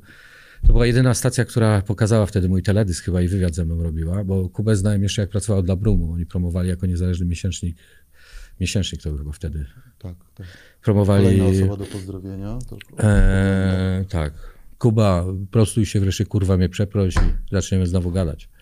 Natomiast em, Kuba wtedy tak samo właśnie mówił, jak to jest, że e, jak to jest, mówi, że ty tu siedzisz obok mnie, pamiętam jego wywiad wtedy, cała Polska o tobie gada. Mówi, nie znam osoby, o która o tobie nie gada. Przecież ja cię znam prywatnie. Nikt się tu w Polsce do tej pory nie zna. Wszyscy o tobie gadają. Czemu ty mówi, teraz tu się nie wozi, nie cieszę? Ja mówię, no bo już, mnie, już wiem, jak mnie kopią, już mnie boli nerka. I mówię, czekam, aż mnie będą bardziej kopać. On wtedy powiedział, że jak? Leroy, jak ktokolwiek w Polsce może kopać. Widziałem, co się będzie działo. To jest przykra rzeczywistość, bo nie pozwala mi się to cieszyć jakimkolwiek sukcesem, który w życiu mogę osiągać. Tak jakby do końca cieszyć. Nawiązując gdzieś tam, bo w momencie, kiedy opowiada- opowiadałeś o tych historiach, że dziennikarze tracili pracę z powodu Mhm. grania twojego kawałka, no to wiadomo, skojarzeniówka jest taka, trójka, piosenka Kazika, czyli osoby, umówmy się, która była jednak, a propos disów, mikrodelikatniusio zdisunikowana. Właśnie jednak nie była, to jest nie ciekawa historia. Kazika, nie, tak, ale to nie, był stosuję dis. Rozumiesz? nie- ja- To nie był di- dis. Ale Ale, Kazik to odebrał jako dis, zresztą dużo ludzi odebrało. Mhm. Nie dziwię się, no bo to o mnie każdy mówił, więc wtedy każde moje słowo było 10 razy obracane i in- interpretację każdy miał swoją. Nie, ja byłem fanem kultu, jestem do dzisiaj fanem kultu. To jest jedna z najważniejszych kapel w moim życiu, która, y, mówię o wszystkich kapelach i muzyce, Mhm. jaką poznałem. Kazik zawsze mi towarzyszył. Ja nie miałem nigdy żalu do Kazika. Ja miałem żal do dziennikarzy tak naprawdę, y, bo y, jak zaczynałem, mój problem polegał już na polo, połowa lat, poło, początek lat 90., kiedy już ludzie y, zaczynali gdzieś tam przez satelity słyszeć o tym rapie, kiedy y, między tą Francją a Polską się gdzieś tam latałem. Nawet jak już zaczęli dostrzegać po tych 10 latach rap, to odpowiedź dziennikarzy wyfłynęli była na zasadzie, że już jest Kazik. A Kazik nigdy nie był raperem. Dla mnie to było Ale on zrozumiałe. nigdy nie twierdził, Tak, to, i, ale że ja jest- nigdy że nie twierdziłem, że on twierdzi, rozumiesz? tak, tak. Ja miałem żal do tych dziennikarzy. Potem Kazik przeżywał to, co ja już jako osoba znana, bo każdy potem porównywał jego Tak, do mnie tak, w tych tak. rapach. I daliśmy się wplątać z, z Kazikiem w taką dziwną śrubę y, niektórych prowokacji dziennikarskich. I, i, i, i stąd tam disu nie było. Ja nigdy nie disowałem Kazika, wręcz przeciwnie. Kazik wie dobrze o tym. Ilekroć go widziałem, nawet w tamtym w 95 roku podchodziłem się z nim, dość miło witałem. Dla mnie to jest kultowa postać, dosłownie. Bo to jest, wiesz, zresztą też jakiś czas temu rozmawiając z Kazikiem, on podkreślał tę pewną rzecz, bo to, że on wielokrotnie zaprzeczał, Tak. że właśnie ni- media wkładały mu w usta to, że on twierdzi, Tak. że jest raperem, ale nawet ta nieszczęsna, słynna nalepka na, Tak. na, na o- okładce Spalam Cię, to był pomysł Kościkiewicza, który tam zaanonsował go jako pierwszego rapera tam wschodu, czy Tak. I widzisz, coś. i tutaj Ale wracamy znowu proszę- do BMG i do mojego wydawnictwa. Na ile coś pomogło, a przeszkodziło. Tak. BMG, mimo moich ciężkich bojów z nimi, kiedy już zaczęli wydawać na moich zasadach tą płytę, kiedy już sam podpisałem swój własny kontrakt. To jest też śmieszne, że w BMG podpisałem praktycznie niezależny kontrakt. To jest, był Ludo Merien. Jak sobie wpiszecie, to jest koleś, który jest bardzo znanym księgowym, najbardziej znany księgowy w ogóle w show biznesie. Y, No, dużo znanych nazwisk się przewidało przez Ludo. Ludo był jednym, którzy pomagali rozkręcać filię polską BMG. Ja z Ludo miałem ciężkie przejścia, łącznie z rękoczynami. Ludo, byłem jego wrogiem, on mnie nienawidził na samym początku. Ja ci przed wywiadem przygotowałem na wszelki wypadek. Scyzoryk masz. Tak, scyzoryk mam, bo tu jak już I usłyszałem Ludo, rękoczyny, tak, to, nie, no to bo mia, mia, miałem przejścia z nimi typowe. Oni mnie traktowali też na zasadzie, y, to jest prawda, chłopaczyny jakiegoś, który przyszedł gdzieś tam skądś, można go oszukać. Oni oszukiwali wszystkich, nawet ludzi, którzy byli obstawieni prawnikami, a co dopiero takiego chłopaka, Mhm. więc z automatu mnie chcieli oszukać, co się nie udało. Eee, I Ludo, pamiętam jak zobaczył, co ja podpisuję, jak odchodził z firmy, przyszedł specjalnie mi pogratulować. Powiedział, że wiele było między nami różnych e, złych stron, ale powiedział, że przyszedł mi szacunek złożyć, bo mówi, że żyje w tym biznesie dużo. W Majorsy to jest jego życie. On nigdy nie widział czegoś takiego, co ja zrobiłem. Ja przysiadłem, na, na spotkanie przyszedłem z pięcioma prawnikami. Naprzeciwko siedziało pięciu prawników z zachodu znanych z, z Anglii, ze Stanów, z BMG i pisaliśmy kontrakt, jaki ja chciałem. To był ten moment, w którym postawiłem BMG pod ścianą, bo BMG po mojej pierwszej płycie mogło albo zrozumieć, że już nie mają praw do mojej muzyki, albo zgodzić się na te wszystkie rzeczy, które wcześniej wymyśliłem. Oni powiedzieli, a co jeszcze chcesz dodać do tego? A mówię, no jeszcze parę rzeczy by się znalazło. Także, e, aha, do czego wchodziłem, bo BMG wtedy miało zakaz w ogóle mówienia na temat tej płyty, bo PR-em zajmowałem się głównie ja i mój skład, bo e, powiedziałem BMG oddam mój PR pod warunkiem, że mi dadzą jedną osobę, która się zajmowała rapem, a jak nie, to mają zamknąć paszczę, bo oni nie znają tego stylu, nie wiedzą czym to jest. Oni dużo zniszczyli wtedy.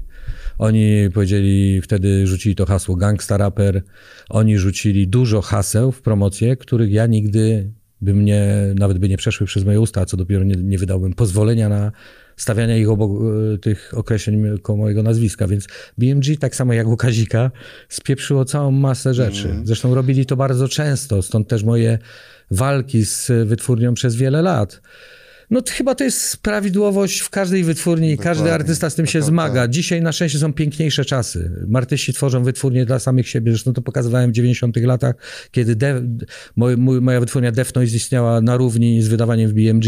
Pokazywałem jako artysta, wtedy chyba pierwszy z takich e, artystów niezależnych, że można mieć swoją niezależną wytwórnię, wydawać i szanować artystów w tym samym czasie i e, traktować ludzi trochę inaczej. No wytwórnia namieszała dość dużo. Pozdrawiam w ogóle wszystkich. W ogóle to jest śmieszne, bo szef ówczesnej wytwórni BMG, który ze mną podpisywał i walczył tyle ze mną, znaczy Piotrek akurat tyle nie walczył, bardziej Romek ze mną walczył i cała reszta, ale Piotr e, Nagłoski był wtedy szefem wytwórni, zakładał tą wytwórnię.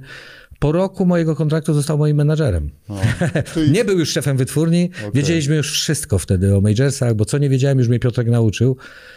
Też wspaniała postać, pozdrawiam Piotrka, pomijając już nasze różne jakieś te... Piotr świe- świetna osoba i wtedy w wytwórni no dużo się działo. To był ciekawe w ogóle te, te moje przygody wiesz, w wytwórni. Ale to a było... propos tego przecierania szlaków jeszcze, bo chciałem zadać takie pytanie z dzisiejszej perspektywy, jeżeli chodzi o Spalam się, czyli no album, wiesz, wydany w 91 roku. Tak.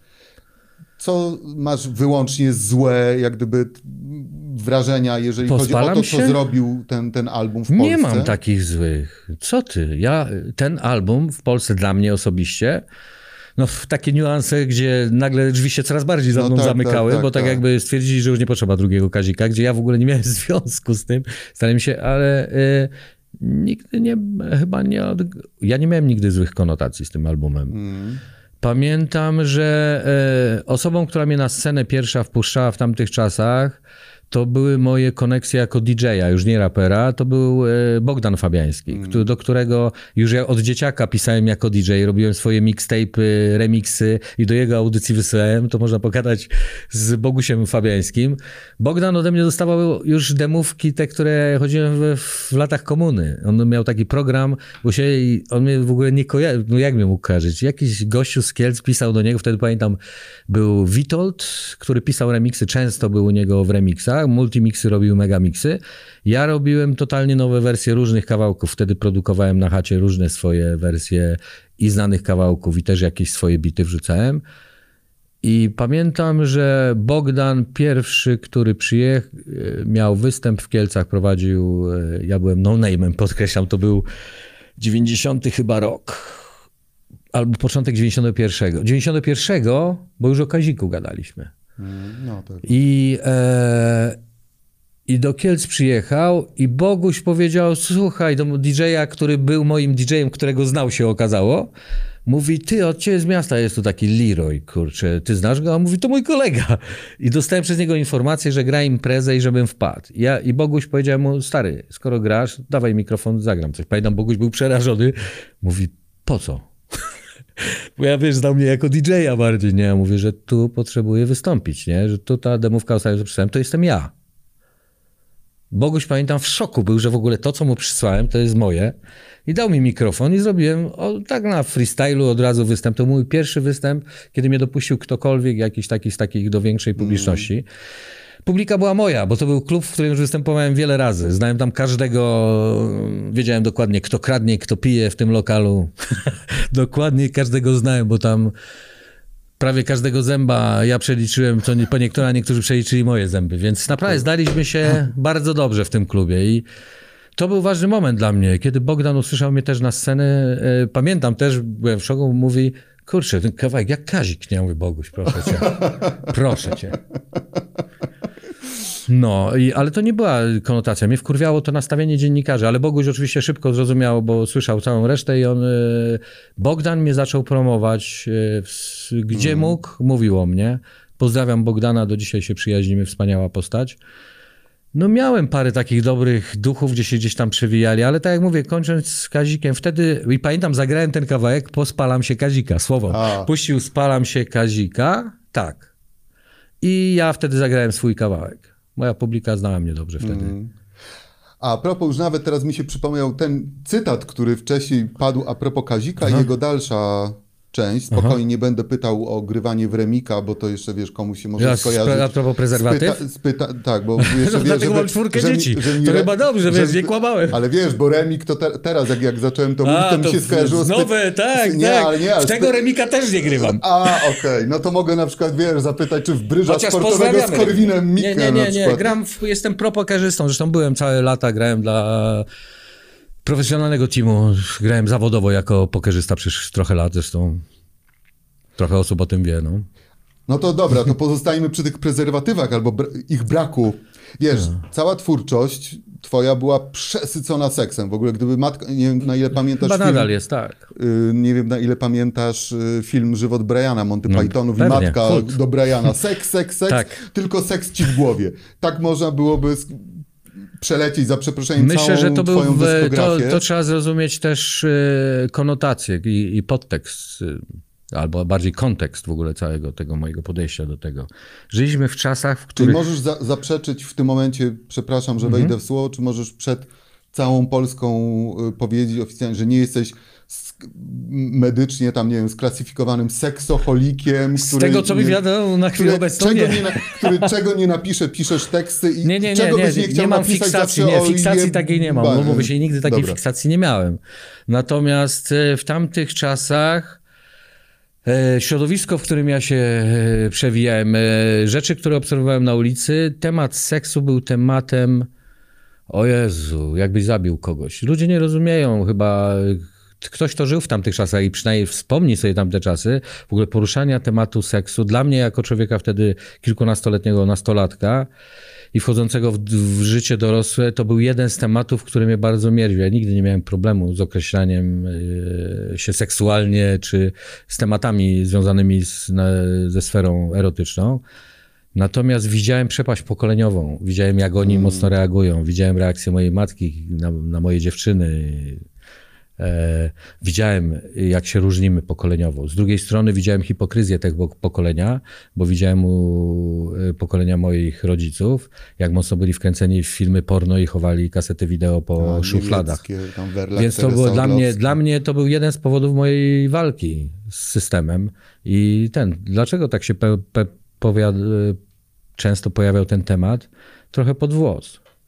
Trochę wywoływałem do tablicy wszystkich tych ludzi, którzy w tym momencie dostawali spazmów, tych matek wszystkich, które ten, bo ja chciałem powiedzieć, mamie, bo to była rzeczywistość, której nas wszystkich reprezentowałem. Pokazywałem, że to nie jest tak, jak wam się wydaje, Mhm. że choćby jak głośno byście nie krzyczeli jako osoby dorosłe, my mamy swój now, swoją nową rzeczywistość. Wiemy, co jest prawdą, co jest... Ja byłem mocno, jestem do dzisiaj, bo jestem wolnościowcem, sfiksowany na punkcie wolności. Tak jakby nienawidzę wchodzenia w sfery, kiedy ludziom zabieramy. Z drugiej strony też nienawidzę, kiedy ludzie do końca epatują różnymi rzeczami i spróbują ludzi E, to tego też się nauczyłem dość szybko, tak? Jakby, że wolność moja kończy się tam, gdzie zaczyna się wolność drugiej osoby. Natomiast to było mój oręż. Walka z tym to jest oręż. Ja wkładałem, ile któregokolwiek tekstu nie przypomnisz, to było wpieprzanie żwirów, szprychy wszystkim tym o moralności pani Dulskiej. Wszystkim tym, którzy e, jedno robili, a drugie mówili. To- To był mój oręż. Seks jest No, tym- niczym. Ja nie robiłem z tego nigdy wielkiego zagadnienia, ale zdecydowanie lubiłem prowokować Mm. tym. Dla mnie to było naturalne. I ja, y, dla ludzi nie było to wielu naturalne. I zresztą do dzisiaj nie jest wielu, No, wielokrotnie. machałeś tym mieczem na prawo i lewo, jeżeli mówimy o Jeżeli orężu. mówimy o mieczu, to tak. E, przy okazji przypomina, przypomina mi się y, wspania, e, wspaniały, ambitny, głęboki projekt oboczny. Pamiętasz jeszcze dziś y, Bukake Warriors? No pewnie. Borikson Red, Spinach, Tak. też kolejni do, do pozdrowienia. też taki- To już była jazda. seks- Tak. To była też prowokacja dość mocna. To była prowokacja poniekąd też w środowisko nasze. Mhm. Bo wiesz, lubię się śmiać też z samego siebie. Zresztą to robiłem od początku. Sławny, zresztą, który przyszedł wielosekundowy mój taki kawałek, co w kolorowej koszuli. Przecież to była prowokacja z Jachem Paszkiewiczem. Przecież to Lalamido. Ludzie nie kumają. Myśleli, z tego stworzona, bo nie reagowałem, to przez lata stworzono, że to jest pewnik, że ja kiedyś taki byłem, a potem się zmieniłem. Tak, tak. No ja, ja, wiesz, ale nie wyprowadzam ludzi z błędu. Jak lubią żyć w przeświadczeniu, że jestem chujem, to ja ich z tego nie chcę wyprowadzać. Jeżeli jest hejter, który mówi, Leroy, ty skończony, skończony, coś tego, ja go nigdy nie będę wyprowadzał z tego. Dlaczego? Skoro to mu przynosi ulgę Mm. w życiu, niech se będzie. Dla mnie to nic nie zmienia. Ale z dzisiejszej perspektywy, bo tak jak mówiłeś, że niczego w życiu nie zmieniłbyś, Tak. ale jeżeli teraz chodzi właśnie o te treści dosadno, wulgarno, nie bójmy się w ten sposób, Aha. e, mówiące o seksie, czy to są rzeczy, które dziś z perspektywy człowieka dojrzalszego, też patrząc przez pryzmat, wiesz, dzieciaków, które masz, czy to są rzeczy, nie. które gdzieś tam, ja pamiętam kiedyś mówiłeś, że na przykład, wiesz, córka będzie mogła poznać Pewnie. teksty dopiero mając 16 lat Nie, ona i zdaje tak od początku, trochę się droczyłem. Moja córka zna moje teksty od początku. W moich teledyskach moją córkę nawet o legalizacji gandzi może zobaczyć, jak była bardzo młoda. I nie wciągałem ją w te, w te teledyski choćby z tego powodu, że nieświadomie. Mhm. Moja córka, jak występowała w teledysku wtedy, co było legalizacji, wiedziała więcej niż połowa moich kolegów na temat legalizacji tego, czym jest konopia. Więc e, nie, nie mieszam dzieciom w głowach. Moje dzieciaki znają moje kawałki. Nie do końca, wiesz, scyzoryka zna każdy mój dzieciak od samego początku. E, ja myślę, że ja nie jestem z tego pokolenia, co wiesz, y, każe dzieciom zamykać uszy i czegoś nie widzieć. Mhm. Nie, dzieci mają znać i widzieć wszystko, oczywiście na pewnym etapie. Natomiast kiedy zadają pytanie, ja mam na to pytanie odpowiedzieć. Oczywiście odpowiedzieć z my, ze świadomością tego, jaki wiek mają dzieciaki, żeby na ich wiek ta, ta odpowiedź była wystarczająco dobra i zrozumiała. I nigdy nie ukrywałem kawałków. I też tych kawałków przed nikim innym bym nie ukrywał. Nie, nie, nie żałuję tych kawałków, bo nigdy by nie powstały, gdyby nie ja. To są kawałki, które, i oczywiście niektórzy mówią, no właśnie, nie powstałyby. E, Jeżeli artysta tak mówi, to już żałuje tego artysty, znaczy, że nigdy nie wiedział, po co jest sztuka. E, Bukake Warriors było projektem totalnie prowokującym. To był projekt, który miał prowokować też środowisko. Wykąpę ci matkę to jest dis disów. Chciałem napisać disk, którego nie można przebić. Przypominam sobie tak kawa. Wykąpę ci matkę jest disem disów. Już nie można chyba bardziej nikogo zdisować. No, no, no. Więc tak naprawdę go pisałem pod tym kątem. Pa- Trzeba pamiętać też, że tam były same alterego. To nie był poważny projekt. Ktoś, kto od razu z miejsca podchodził Leroy zwariował, od razu nie czyta pewnych punktów. Żaden z nas nie występował pod swoim e, prawdziwym nazwiskiem czy ksywką. To wszystko były alterego. To był projekt stworzony po coś. Który projekt jest otwarty? On nagrał jeden, kilka kawałków, jeden ujrzał światło dzienne. Tam e, było, artystów i raperów było wielu, przewijało się teoretycznie w tym składzie, bo to był projekt, który się obił uchem. Niektórych e, czuli się wręcz znieważeni, niektórzy raperzy. Zresztą z jednym prawie e, liścia mu sprzedałem, bo, ale mu napisałem e, już w komunikatorze, że po prostu kurwa nie łapie pewnych rzeczy, i tylko przychodzi mi się pochylić nad nim i zrozumieć, że po prostu jest kurwa tak w dupę se wsadził jakiś kurwa kij mocny, a matka jeszcze dopchała chyba młotkiem, kurwa, że wiesz, że się ruszać nie może. Bukake Warriors tak naprawdę, w ogóle ludzie nie, nie rozumieją słowa konotacje. Bukake Warriors jako tytuł jest złożone... powiesz, że nie rozumieją w Polsce słowa bukake. Nie, to pewnie Teraz niektóre, że rozumieją. Ciekawe, kto będzie, wiesz, ze słuchaczy udawał, że nie zna Bukake, sama słowa. konotacja była dokładnie tym, co chcieliśmy zrobić. Czyli tak naprawdę na wszystkich spuścić całą masę rzeczy, które... Ale w sposób artystyczny, bo na tym polega Tak, kolega oczywiście, ja wiem, kolega oczywiście mówił, że to- tak. I e, sama nazwa przecież Bukake Warriors to jest hołd złożony tym dziewczynom, które rozgrzewają. Przecież to nie chodzi o to, że my jesteśmy tymi warriorami, bo to jest funkcja żeńska. To my złożyliśmy hołd tym kobietom, które spełniają tą rolę. To, był, to, to była prowokacja na wielu poziomach tak naprawdę i e, bawiliśmy się przy tym całkiem nieźle, tak prawdę mówiąc. Zastanawialiśmy się, czy ktoś zrozumie w ogóle tą prowokację do końca, czym ona jest. Mm. Ulubiony kawałek wielu moich znajomych do dziś. I stąd odpowiem na Twoje pytanie: nie. Nie zrezygnowałbym z żadnego kawałka, który nagrałem, bo jako dzieciak młody miałem taki moment prześwitu, kurwa, miałem takie momenty pewne, które pamiętam z dzieciństwa. Jeden z nich był, kiedy sobie obiecałem, pamiętam, to był ważny dla mnie rzecz jako przyszłego artysty, tak jakby kolejny etap w graniu moim jako dziecko, kiedy sobie powiedziałem, pamiętam, sam do siebie, kurwa, i zapisałem to, że jeżeli zacznę wydawać płyty, nigdy, ale to przenigdy nie zamieszę na tej płycie wypełniacza. Czyli kawałka, z którym się nie zgadzam, który jest tylko po to, żebym wydał tą płytę. I się trzymam do tego dzisiaj. Choćby nie wiem, niektórzy podchodzą i wiesz, dla złośliwego może być powiedzieć, że same są wypełniacze, prawda? No, tak. Tak jak i wypełniacze w twoim mózgu zamiast mózgu. Natomiast nie zmieniłbym nic. Każdy kawałek miał jakiś sens. Ja nigdy nie starałem się w, tak jakby cenzurować nawet swoich myśli, bo wielu moich znajomych, ja wiem jak, na czym życie polega, mam prawie 50 lat. W ten weekend obchodzę 49-lecie. Ja wiem jak człowiek sam siebie zniewala każdego dnia, jak nasze kompleksy niszczą nas samych. Ja w dzieciństwie przeszedłem, e, nie będę mówił, co przychodziłem, że to było coś strasznego, ale przeszedłem na tyle dziwnych rzeczy i strasznych, że ja bardzo, bardzo, bardzo młodym wieku dojrzałem. Teksty nawet pierwsze, które pisałem na swoje pierwsze płyty, nawet były niezrozumiałe dla moich rówieśników bardzo często. Moi rówieśnicy teraz, po wielu latach, mówią, kurwa, stary, ja zrozumiałem ten tekst dopiero jakieś parę lat temu. Ja wtedy, moja ksywka Grand Papa Rapa, która wyszła od Wojtasa zresztą chyba i od y, Boriksona, wyszła bardzo wiele lat temu, na samym początku naszej znajomości, bo oni mimo, że są w podobnym wieku co ja, oni mnie już tak nazwali, bo ja byłem dla nich tata. Moje podejście do świata, ja już nie pisałem wtedy o przyziemnych sprawach ulicy, powiedzmy takich, które się dzieją e, blisko mnie, czyli cały świat przestępcy, czyli cała reszta, bo ja w nim żyłem i pisałem o nim i się borykałem z nim całe lata.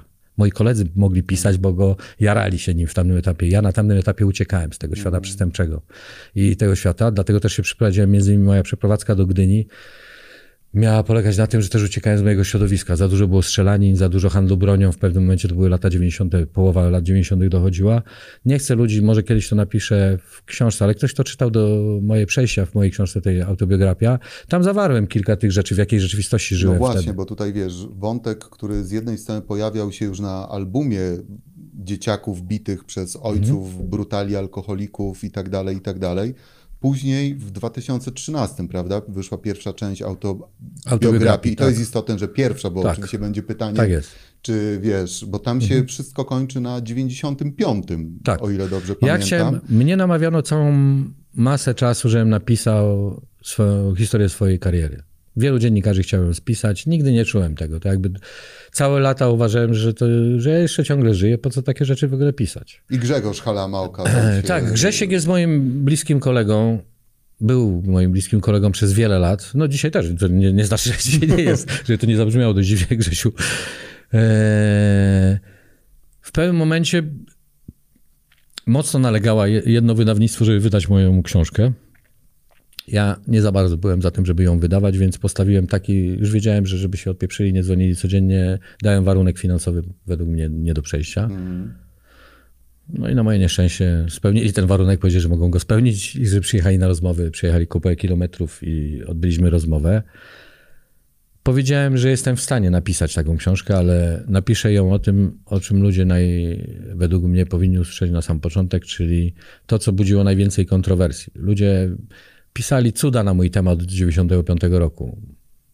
Każdy, kogo spotykałem, miał 10 wersji mojego życia i 10 wersji tego, co się wydarzyło w różnych sytuacjach. Oczywiście prawie żadna nie miała z nimi z nic wspólnego ze mną, ale dużo ludzi opowiadało głupoty o moim dzieciństwie. Całą masę głupot. Myślę, że przez to też, że ja dużo nie mówiłem o nich, a w kawałkach się przewijały, ludzie zaczęli sobie budować różne dziwne y, wizje tego, więc stwierdziłem, że napiszę o 24 latach mojego życia, czyli do momentu, kiedy stałem się sławny, co się u mnie działo. I to miał napisać Grzesiek, choćby z tego powodu, że wiedziałem, jakie to są wspomnienia, przez, ja co, przez co przechodziłem, w jakich warunkach ja żyłem. Nie No chciałem, książka nie, chcia, nie chciałem, żeby ta wstrząsająca, każdy książka była. Nie chciałem, żeby ludzie po tej książce po pierwsze, y, może się mnie żałowali, albo y, jakby powiedzieć, chciałem na siłę, nie chciałem, żeby ktokolwiek nade mną się rozczulał. To była zasada. Tak jakby ja, ja na sobą się nie, nie rozczulałem, więc dlaczego uważałem, że dlaczego ma. I to był trudny, tak jakby to było clue napisania tej książki. Bo stwierdziłem, jak ja mam ją napisać, skoro tyle tragedii w niej jest, żeby ludzie nie. Tra... tr- tr- żeby odczuli, bo dzisiaj, jak mnie pytają ludzie, no kurwa, twoje życie to jakiś koszmar był. Nie. Ja swoje dzieciństwo, oprócz tego koszmaru, wspominam wspaniale. Bo ten koszmar, ja sobie z nim poradziłem. Ja miałem wspaniałych przyjaciół, przeżywałem niesamowite przygody na tych ucieczkach. Przy ucieczek miałem całą masę.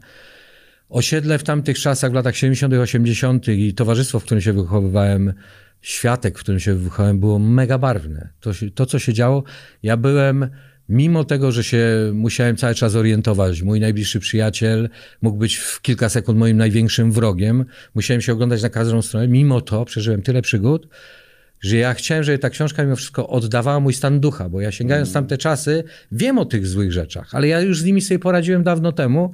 Ja chciałbym, chciałem, żeby ludzie zrozumieli, jak zajebiste dzieciństwo miałem. Nawet nie ja, bo to jest dzieciństwo całej generacji ludzi. Świat wokół, no bo... I przede wszystkim dzieciństwo, wiedziałem, że to będzie dzieciństwo pokazane, jak Kielce dorastały. Bo ja, ja jestem z osiedla w Śródmieściu robotniczego, z Sadów. Totalnie robotnicze osiedle, które wydaje mi się pokazywały, jak wyglądały wtedy osiedla budowane w 70 latach w Polsce. To nie tylko w Kielcach. I ta opowieść, o dziwo trafiłem w to, bo y, Grzesiek Halama miał być moim buforem. Grzesiu jest ode mnie rok starszy, dorastał w tych samych czasach, zna mnie i z jego, z jego humorem wiedziałem, że jeżeli on napisałby te wspomnienia, to one będą śmieszne, ludzie będą się uśmiechać. No i zaczęliśmy pracę. Ja, żeby Grześ, Grześkowi nagrywałem, spotykaliśmy się u niego, u mnie, nagrywałem dużą masę live'ów do niego na Skype'ie, na, w różnych urządzeniach, wspominając wszystkie lata. Zrobiłem sobie chronologię i wspominałem od dzieciństwa różne czasy. Dwa, zafundowałem sobie podróż przez wiele, wiele kilometrów po znajomych, których już dawno utraciłem z nimi kontakt, żeby zapytać ich o te sprawy i ponagrywać ich wrażenia z drugiej strony, bo wiesz, to, że ja widziałem pewne sprawy tak, to jest jedno, a moi znajomi mogli je widzieć zupełnie inaczej. Poza tym już wiedziałem na danym etapie, że wielu rzeczy nie pamiętam. I nagrałem tego materiału całą masę godzin. Tego było tak dużo, że Grzesiek w pewnym momencie powiedział Piotrek, to jest pisania na dwa lata, a ty chcesz to w tym roku. No i zrozumiałem na tuż przed wytwórnia, znaczy wydawca nie wiedział, co się dzieje. Wydawca e, zapłacił, zapłacił zaliczkę, którą tą zaliczkę mm, potrzebowałem, żeby choćby zapłacić Grześkowi na, za pracę, żeby pojechać w te podróże, żeby to wszystko spisać gdzieś. E, no to już dobra, to mówię do Grzesiu, zwrócimy te zaliczki i pieprzyć, to nie wyjdzie książka. Nawet się cieszyłem, bo poszło, wyszło na moje.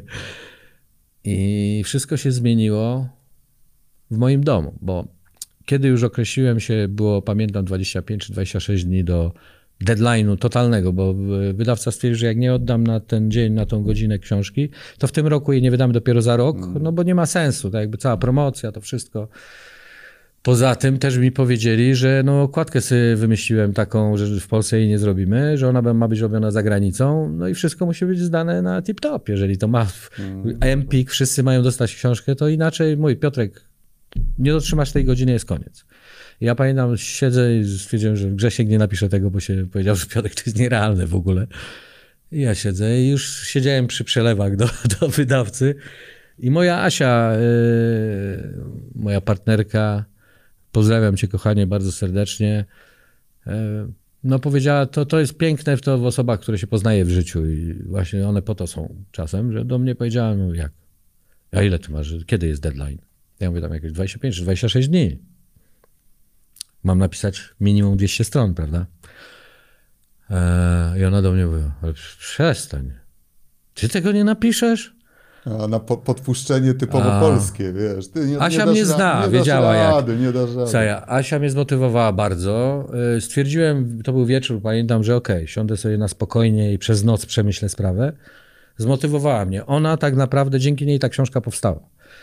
Ja przez noc stwierdziłem, dobra, rano powiedziałem jej Asia, bo Asia, y, to był też dla nas dziwny moment, bo urodziło nam się jedno dziecko, czekaliśmy na drugie chyba wtedy, czy już, który to był rok? Jakoś tak, czy było tuż, wiem, bo- że no, Asia miała no co robić, bo my... 2013, Tak, tak, tak, to no, był moment, w więc 2012 mi się urodził e, jeden syn, w 2014, e, 2014 drugi, no i to był ten okres taki, że no byliśmy, w, Asia miała co robić, ja też jako e, rodzice. No i to dla niej też było wyzwanie. Wiedziała, że zniknę z domu na jakieś 20 dni. Znaczy, znikałem, wsiadałem w samochód, jechałem na przykład na dobę na parę kilometrów dalej, na wybrzeże albo na plażę. Moim głównym punktem było takie ujście promowe i Westerplatte, moje dwa ulubione miejsca, w których byłem. Siedziałem sobie, pisałem nawet, pamiętam, że e, Straż Celna mnie odwiedzała, bo stałem przy przejściu i, i przyjechali specjalnie zobaczyć, co to za samochód, którąś dobę stoi po nocy. Zresztą statki, które wpływały do portu też mnie zgłaszały, bo pamiętam, że raz wpływała jednostka taka wojskowa, dość mocna, stałem w takim miejscu, co wzbu- wzbudzało zainteresowanie. No i miałem tam odwiedziny, ale po pierwszej dobie stwierdziłem, że pierwszą dobę, powiedziałem Asi, że przez pierwszą dobę zobaczę, ile jestem w stanie napisać. Siadłem sobie, wziąłem sobie wór leków zielonych i okazało się, że sam zaskoczyłem siebie, ile potrafię napisać. Fakt, że przez noc zrobiłem to, co zawsze lubię, czyli planować w mindmapie.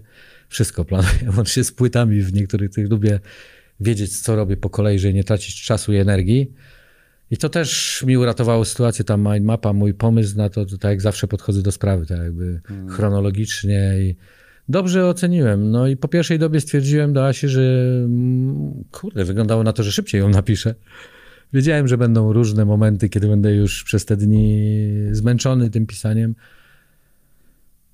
Powiem szczerze, napisałem w 24 dni 200 coś stron. Zdałem to w ostatnich minutach. Pamiętam, yy, jeszcze nie chciało przechodzić, ci się denerwowali, że nie pójdzie. Dostałem od razu informację, że przegiąłem i że nie ma czasu na korektę, więc książka, niestety, przepraszam was bardzo, jest bez korekty. Pani robiła korektę chyba tylko 3 godziny ortograficzną. Sprawdzała, czy nie ma błędów. Powiedziałem jej, że odrobiłem za nią tą robotę, bo z polskiego nie miałem najgorszych stopni, a z drugiej strony pisałem w programie dla pisarzy właśnie, już sobie kupiłem taki konkretny program, który poprawiał błędy, więc powiedziałem, że to też oszczędziłem na koniec. Więc pewnie coś tam miała, jakieś interpunkcje albo coś, co zrobiła. Na rano książka wyszła i pojechała. I to jest książka, która opisuje, zaczyna się i kończy w momencie mojego wyjścia na mój pierwszy duży koncert we Wrocławiu. I opisuje moje życie, całe moje dzieciństwo, więc pierwszy raz ludzie mogli naprawdę wejść w to, co stworzyło mnie, tego potwora, który pisze takie teksty. No, wiesz, rzecz mega, mega smutna i przerażająca dla wielu osób, no ale mówi, że poradziłeś sobie, z tym doskonale, bo to wiesz, to są rzeczy, Tak mi się które... wydaje. A, no właśnie. No. No. To pytanie, na ile tak No tak wydaje mi się, że naprawdę- tak, ale tylko wydaje mi się. Posłuchaj, żeby skończyć tematami muzycznymi, pytanie, czy, czy jest odpowiedź na, pew- na, pytanie z gatunku, kiedy nowy album? Polska żyje, tym zastanawia się i tak dalej, no bo wiesz, wszedłeś w pewien inny świat, panie Ja wiem, były pośle i tak dalej. Tego, muszę stwierdzić, że nie przesadzajmy, Ale- Polska ale nie czeka piszesz- na mój album. ale, ale piszesz, Poszczególne tworzysz, ale, ale bity robisz cały czas. Cały czas. Nie, tak bez względu na to, przez Nie całe kusi, te że- lata Nie, nie robię. kusi, żeby jednak, wiesz, no bo ta dziura w dyskografii Powiem jest inaczej, w gigantyczna, 2000, no, skąd się kurde. wzięły w ogóle te dziury? Od tego zacznijmy. W 2001 roku odszedłem świadomie, zresztą zapowiadałem to przez dwa lata, pamiętacie. Ci, którzy obserwowali moją karierę, dwa lata od 99 zapowiadałem, że to są ostatnie moje albumy i robię sobie przerwę. Nie koniec, tylko przerwę. Moja rodzina się posypała wtedy. Tak jakby poświęciłem się karierze, poświęciłem się temu, że jestem w studio codziennie na trasie, jestem dla każdego, ale nie było mnie dla rodziny. Byłem wszędzie tylko, znaczy w domu bywałem, miałem studio nawet w domu, ale nawet jak byłem w studio, w tym studio, które było zbudowane, to dom był tak wielki, że studio zajmowało dwa ostatnie piętra, e, mieszkalne były parter i pierwsze głównie, a był wielki dom, że nawet będąc w domu często e, potrafiłem nie widzieć kogoś 2-3 dni, bo siedziałem u góry, miałem pokoje swoje własne, zresztą ludzie, którzy przyjeżdżali, były dwa piętra gościnne, więc czasem zostawałem tam. Więc zaniedbałem rodzinę dość mocno. E, Życie na trasie też niestety jest jakie jest i te wszystkie demony też ze mnie w pewnym momencie zaczęły wychodzić, bo to jest stres, kiedy też walczysz z wszystkimi przez całe życie. Też, wiesz, moje, moja rodzina też powstała w dziwnych warunkach. Opisałem to w ogóle w książce. Zastanawiałem się, czy to opisywać. Opisałem, no skoro ma być prawda i ludzie mają wiedzieć, mieć jakąś wykładnię tego świra, który tu siedzi, to... No to ja miałem dziwny moim życiu. Pogubiłem się też trochę. Na te, nie w sensie, że się zgubiłem jako osoba, ale zacząłem robić rzeczy, które też... Już się ja sam wstyd, zacząłem wstydzić. Zacząłem pierwszy raz zdradzać kobietę, jeszcze żonę moją. To było w ogóle w moim kodeksie moralnym nie do przejścia. Więc zacząłem też to, na tym moja psychika źle działała, bo sam się z tym męczyłem. Nie wiedziałem jak, e, jak to do końca wytłumaczyć swojej rodzinie. Nie? Z drugiej strony byłem już na etapie, kiedy moja rodzina praktycznie nie istniała, tak, w sensie. Ale wiesz, no ja ją dalej rozpierdalałem. Wiesz, no i e, no, to był dla mnie trudny okres, więc stwierdziłem, że bez względu na to wszystko poświęciłem się wszystkim, dałem siebie samego, a nie ciągle nie zadbałem o, same, o samego siebie. Ciągle odkładałem tego Piotrka na koniec, tak? Że moje, z- tak jakby moje, to co ja mam z tego jest na samym końcu i mało istotne. No i tak całe życie jest. I wtedy zdecydowałem, że odchodzę, robię sobie jakąś przerwę. Wtedy też patrzyłem na to, na, na branżę, która się rozwija. W tamtym okresie też tak, że no, ona sobie fajnie już daje radę. Ja już mogę sobie odpocząć. Hip-hop w Polsce już jest. Przecież o to mi chodziło całe życie, żeby ta muzyka była dostrzegalna, żeby ta ten styl był e, stylem obecnym na rynku polskim, więc wtedy stwierdziłem, że to jest najlepszy moment dla mnie, żeby sobie odpocząć. Z drugiej strony miałem bardzo dużo zleceń jako kompozytor, producent w świecie filmowym. Ja dużo produkuję do filmów do dzisiaj, e, gdzieś za granicę też, więc wiedziałem, że będę się szczęśliwy, będę się dalej spełniał. No ale nie będzie mnie obecnego na koncertach, na rynku, no nie będę uczestniczył w tym wszystkim. Stwierdziłem, że głównym mój rzecz to muszę się poświęcić, poświęcić zbieraniu tych kawałków mojego życia prywatnego i złożeniu ich do kupy. No ale fani po prostu, to już był tak duży nacisk, że w 90 po trzech latach stwierdziłem, że ja muszę coś nagrać. Zresztą w międzyczasie nie mogłem nie nagrywać. Nagrywałem jakieś single, ciągle coś nagrywałem, bo mimo wszystko no nie umiałem po prostu tak tego wyłączyć, bo robiłem to całe życie. Nie da się wyłączyć u mnie muzyki tak po prostu, a już szczególnie rapu, który po prostu jest w moim DNA. To, to nie jest rzecz, w którym mogę się wyprzeć czy coś, to jest rzecz, która jest w moje całe życie. I no nie potrafiłem o tym świecie zapomnieć. Gdzieś w 90 w 2005 roku zacząłem wydawać płytę El Niño, zresztą z której jestem zadowolony bardzo, bardzo dobra płyta uważam.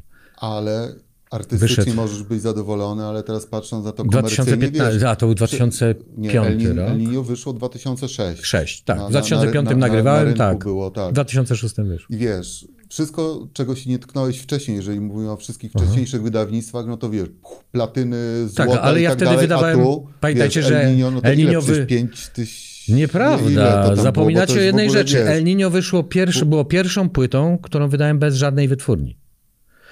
Ale Wydałem to, ją- Jaki, jak, pamiętajcie- się rozeszło? Grubo ponad 100 tysięcy. Zapominają ludzie o jednej rzeczy z El Niño. Premierę, co odtrąbiły wszystkie gazety, to miała być porażka. Premierę zrobiłem na Allegro. Nikt nie zrobił przede mną. Dogadałem się z Allegro. Wszyscy powiedzieli, ja siedzę, niewiele osób zdaje sobie sprawę, ale moje pieniądze inwestuję od 96 roku w rynek IT. Tworzyłem e, nawet aplikacje, przypuszczam, które nieraz mieliście w telefonie. Albo przynajmniej współtworzyłem. I działam na tym rynku wiele lat. W tej chwili dalej jest to, dzisiaj po wyjściu z Sejmu mój główny, praktycznie w tej chwili firma, główny zarobek. E, Natomiast e, wtedy mam dobre rozeznanie rynku, wydaje mi się. Allegro przy ze swoimi wtedy obrotami stwierdziłem, że nikt do tej pory nie wpadł na pomysł. tego. Dogadałem się z Allegro na wydawnictwo. E, Jaki był to hit? Co pół sekundy sprzedawało się El Niño, co pół sekundy. Możesz się cofnąć do czasu, ile się sprzedało nakładów pierwsze godziny do rana. Premiera była o 12 chyba. Rano mieliśmy puste magazyny. Ja zatrudniłem rodzinę, też były poślizgi czasowe, zatrudniliśmy rodzinę. Ja pakowałem, wszyscy pakowaliśmy płyty i non-stop domawialiśmy. To był hit w ogóle wtedy. Ale Ale nie twoje- znalazłem się w głównym rynku, bo nie y, znaczyliśmy płyt. No tak. Hologramy daliśmy na pierwszy tysiąc chyba i to zeszło chyba w pierwsze minuty. W pierwsze minuty, to już nawet Mm. był hit chyba sprzedaży wtedy, żeby sprzedać 10 tysięcy wtedy w pierwsze ileś minut na Allegro, bo tyle się poszło. 10 tysięcy poszło w pierwsze parę minut. To co pół sekundy się sprzedawało, mówię ci, Mm. w, czy to w pierwszą godzinę, co pół sekundy sprzedawał się album. To był ogromny hit, tylko on nie wszedł tak jakby w rynek. Nie był liczony do tego wszystkiego, co w ogóle mnie nie... Ja nie byłem już na etapie Nie, no łapania ale to kolejnych fajnie, wyników. zweryfikować, ale a El Niño, El mit, Niño który sprzedało się, nie, El Niño ro- poda, podatków odprowadziliśmy dość dużo za tą płytę. E, El Niño było hitem. To był mój, e, ja chyba na El Niño zarobiłem chyba najwięcej, no nie najwięcej, ale prawie najwięcej pieniędzy, bo wszystkie szły prawie do mnie. No tak. Więc nie, nie dzieliłem się z nikim. To był naprawdę strzał w dziesiątkę, tylko że to nie była płyta, którą, wiesz, y, grały wytwórnie, którą polecał ktokolwiek i która była promowana na listach czy w zestawieniach sprzedaży. Ona była poza nurtem. Ja zrobiłem wtedy pierwszy raz, pierwszy, bo pamiętam, taki wyłom, że postanowiłem wydać ją tylko tam. Potem była tylko wysyłka ode mnie z wytwórni, więc ta płyta się nie mieściła w żadnych stacjach. To nie był wtopa. My sprzedaliśmy tego ponad 100, 100, 100 coś tysięcy do dru- wszystkich do druku. Pół nielegal po zdobyciu wielkiej Nielegal, w pełno popularności to był nielegal, tak. który się chyba najlepiej sprzedał z takich moich płyt. W ogóle my, tak, firma zarobiła na tym pieniądze, potem się podzieliła, rozeszła firma.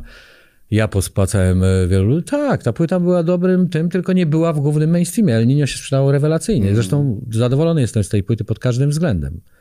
BMG zresztą dostało też tą płytę chyba Sony do dystrybucji, ale już po wszystkim Okej. jakoś. I, I El Niño było dla mnie dużym zaskoczeniem hitowym, bo gazety wtedy, pamiętam, dwa dni przed premierą, czy dzień przed premierą, nie pamiętam, Wyborcza albo Rzepa, robiła ze mną wywiad i powiedzieli, pamiętam, dziennikarz mnie zapytał, ale przecież Perfekt robił jakiś czas temu i nikt tego nie kochał. Już pana, to było dwa lata temu. Dzisiaj internet ma każdy. Oni nie rozumieli przeskaku technologicznego. Ja go rozumiałem, bo to był mój biznes. Ja widziałem, co się zmieniło w internecie, bo ja miałem internet, zanim w Polsce weszły dial-upy. To był mój rynek jak muzyczny. Więc ja rozumiałem to, że to będzie hit na Allegro. Nikt nie rozumiał poza mną. A możecie sobie sprawdzić do tego materiału w tej chwili, co się działo na Allegro tego wieczoru i konkretnych następnych dni. My nie mogliśmy wyrobić z wysyłkami. My wysyłaliśmy te płyty, o co ludzie, ludzie niektórzy dostali tą płytę po dwóch miesiącach z prezentem w ramach przeprosin. My nie byliśmy w stanie ogarnąć tej ilości sprzedaży. Y, w międzyczasie wynająłem dwie firmy, które to pakowały, które też nie dały sobie, to możesz sobie pomyśleć, jakby to była słaba płyta. Dwie firmy pakujące nie dały sobie rady z wysyłką. Zwolniłem ludzi, odszkodowania nawet żądaliśmy, bo nie wyrobili się ze. Sprzedaż była ogromna El Niño. El Niño się rozeszło, nie wiem w ilu domach jest, ale w wielu. W wielu, wielu domach. Rzecz ostatnia, już naprawdę pytanie, nie wiem czy będzie retoryczne, czy nie, podsumowując yy, wszystkie te lata, w którym świecie spotkałeś się z większą ilością syfu, niefajności, wilków podgryzających w łydki i tak dalej, i tak dalej? W branży muzycznej, Hmm. czy w świecie polityki? To nie ma znaczenia. Myślę, że życie jest takie. To nie Mówisz? ma z podziału na branżę. Myślę, że my czasem uwypuklamy niektóre rzeczy. Syf widziałem tu i tu i ciągle widzę. W świecie filmu, w świecie muzycznym, cały show biznes, polityce. Myślę, że w zależności od tego, w którym miejscu tego bagna się siedzi, jak to poletko masz posprzątane, wiesz, to jak siedzisz w stajni Ogiasza, to nie ma znaczenia. K- już kto taki gnój zrobił, jest po prostu, więc nie ma. Towarzystwo jest fajniejsze w show biznesie. Mm. Dużo fajniejsze. Teoretycznie chuj od chuja się nie różni, ale się różni. tak naprawdę. No to jest kwestia też perspektywy i chyba upodobań takich mocno e, osobistych. Ale w tym i w tym, w każdym świecie, w który wchodzimy, jest taka cała masa ludzi zawistnych, ludzi, którzy ciężko pracują, ludzi, no wszelkiej maści. Już się da, no, za dzieciaka się tego nauczyłem. I nie ma, nie, nie, nie. Kiedyś ktoś mnie pyta, ja mówię, że to jest to samo, tylko towarzystwo w show biznesie jest fajniejsze. Nawet z największym skurwysynem fajniej się gada, czasem w show biznesie. I Rozumiesz, po, w polityce też się na to nie obrażam. Polityka jest zwykłą grą w szachy. Stawką są, stawka jest dużo wyższa, bo w show biznesie ja nie mam stawki żadnej. Znaczy jest stawka odpowiedzialność za słowa i tak dalej, ale jestem artystą. Tak Jakby tutaj biorę na kark swoje błędy sam, a ewentualnie ludzie, którzy ze mną są team i wytwórnia. W polityce na kark biorę całe państwo i przyszłość, ten, to jest odpowiedzialność dużo większa. I może dlatego też jest kwestia przebywania z tymi różnymi typami. W show biznesie mogę sobie pozwolić na niektóre rzeczy, bo to nie ma e, impaktu tak mocnego na wielu ludzi. Tak. I to ja mogę ścierpieć nie jednego skurwysyna, y, pośmiać się z nim, wiem dokładnie, co o mnie mówi, on wie, co ja o nim mówię i bezpośrednio też mu to powiem. Ale są rzeczy, z których lubimy się razem pośmiać i tak w polityce no nie ma takiego dobrego towarzystwa do śmiania.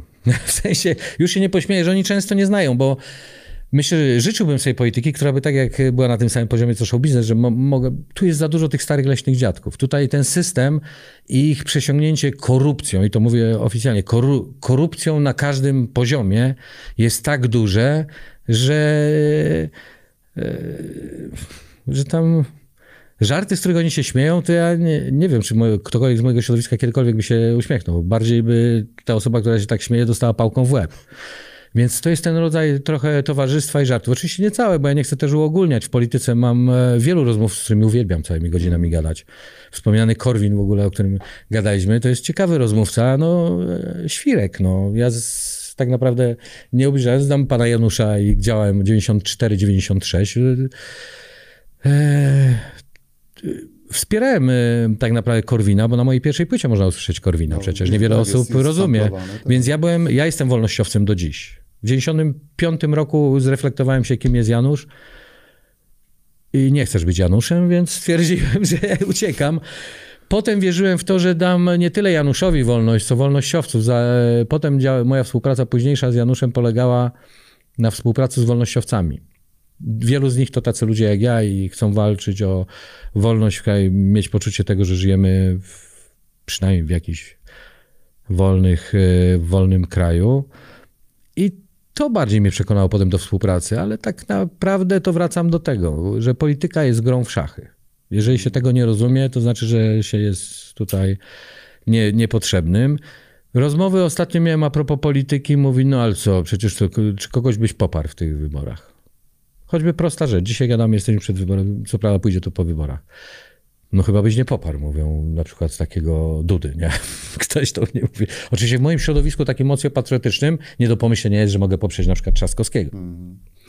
Natomiast e,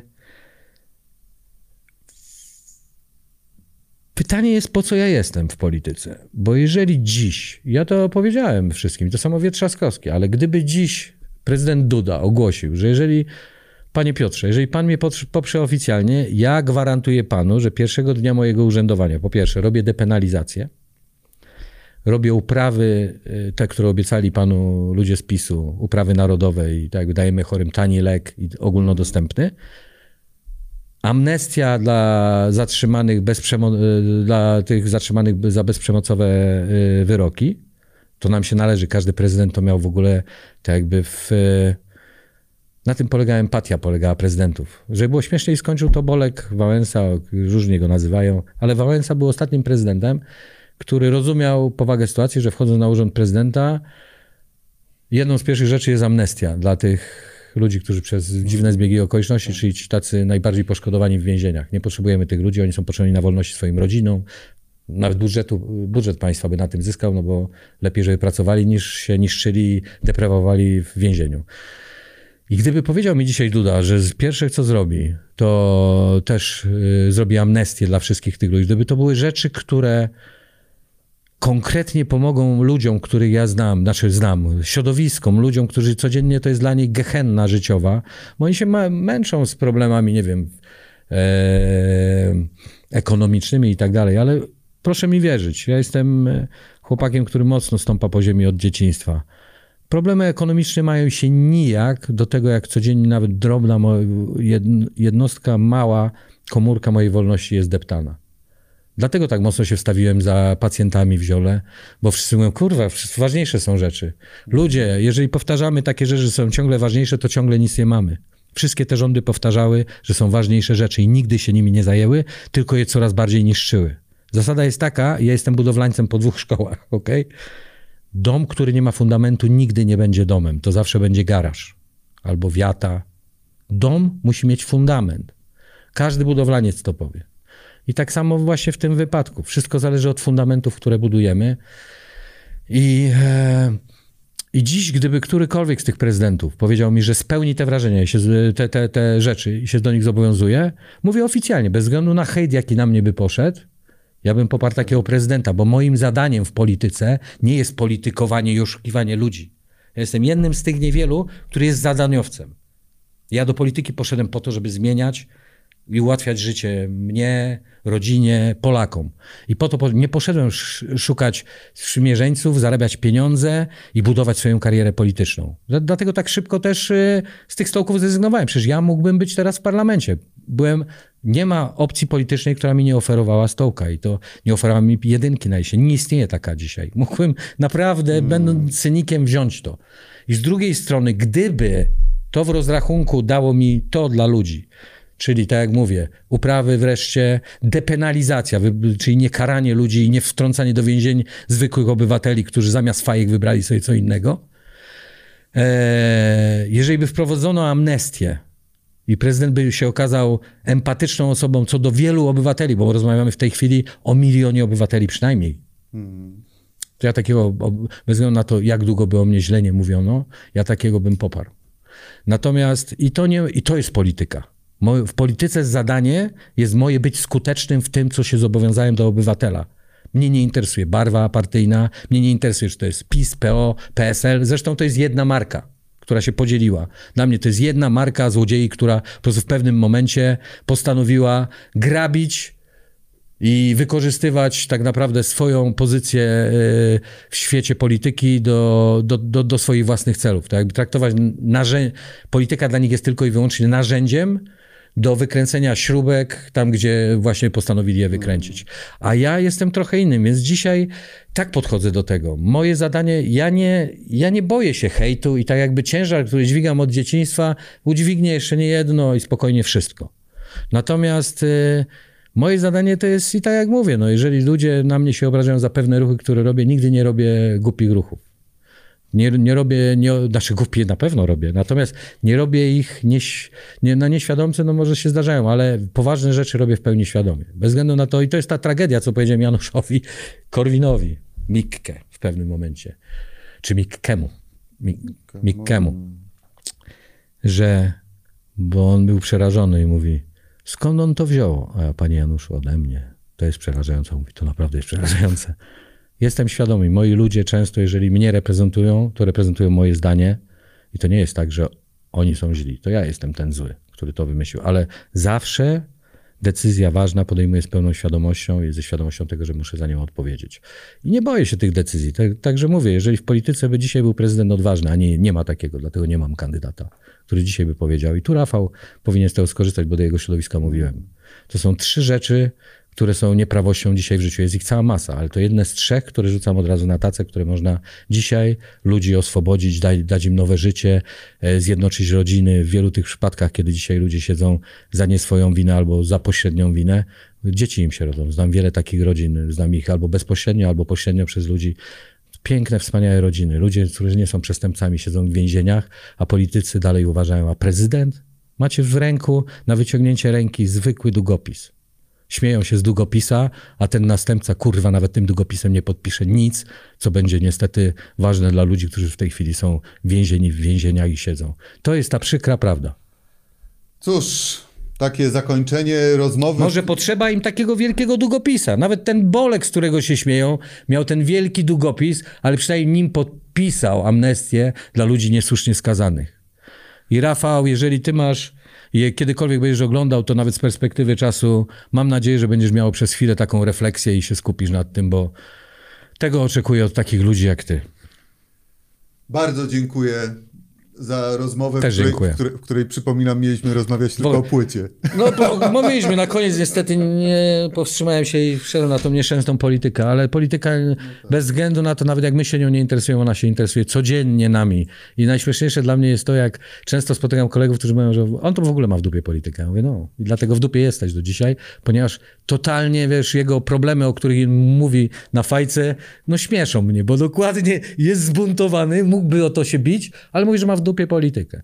To, to na to liczą politycy, że my będziemy totalnie obojętni wobec tego, dlatego nam tak uprzykrzają do polityki, dlatego robią tak brudno, żeby ludzie tacy jak ja się nie, nie, interesowali. Mało tego, że była presja środowiska, że ja nie powinienem się tym interesować, bo to nie wypada. A jak, dlatego też hejt taki poszedł, widzisz, bo to jest taki format. Jak dostałem się, wszyscy myśleli, że się zbłaźnię, będę jakimś pajacem.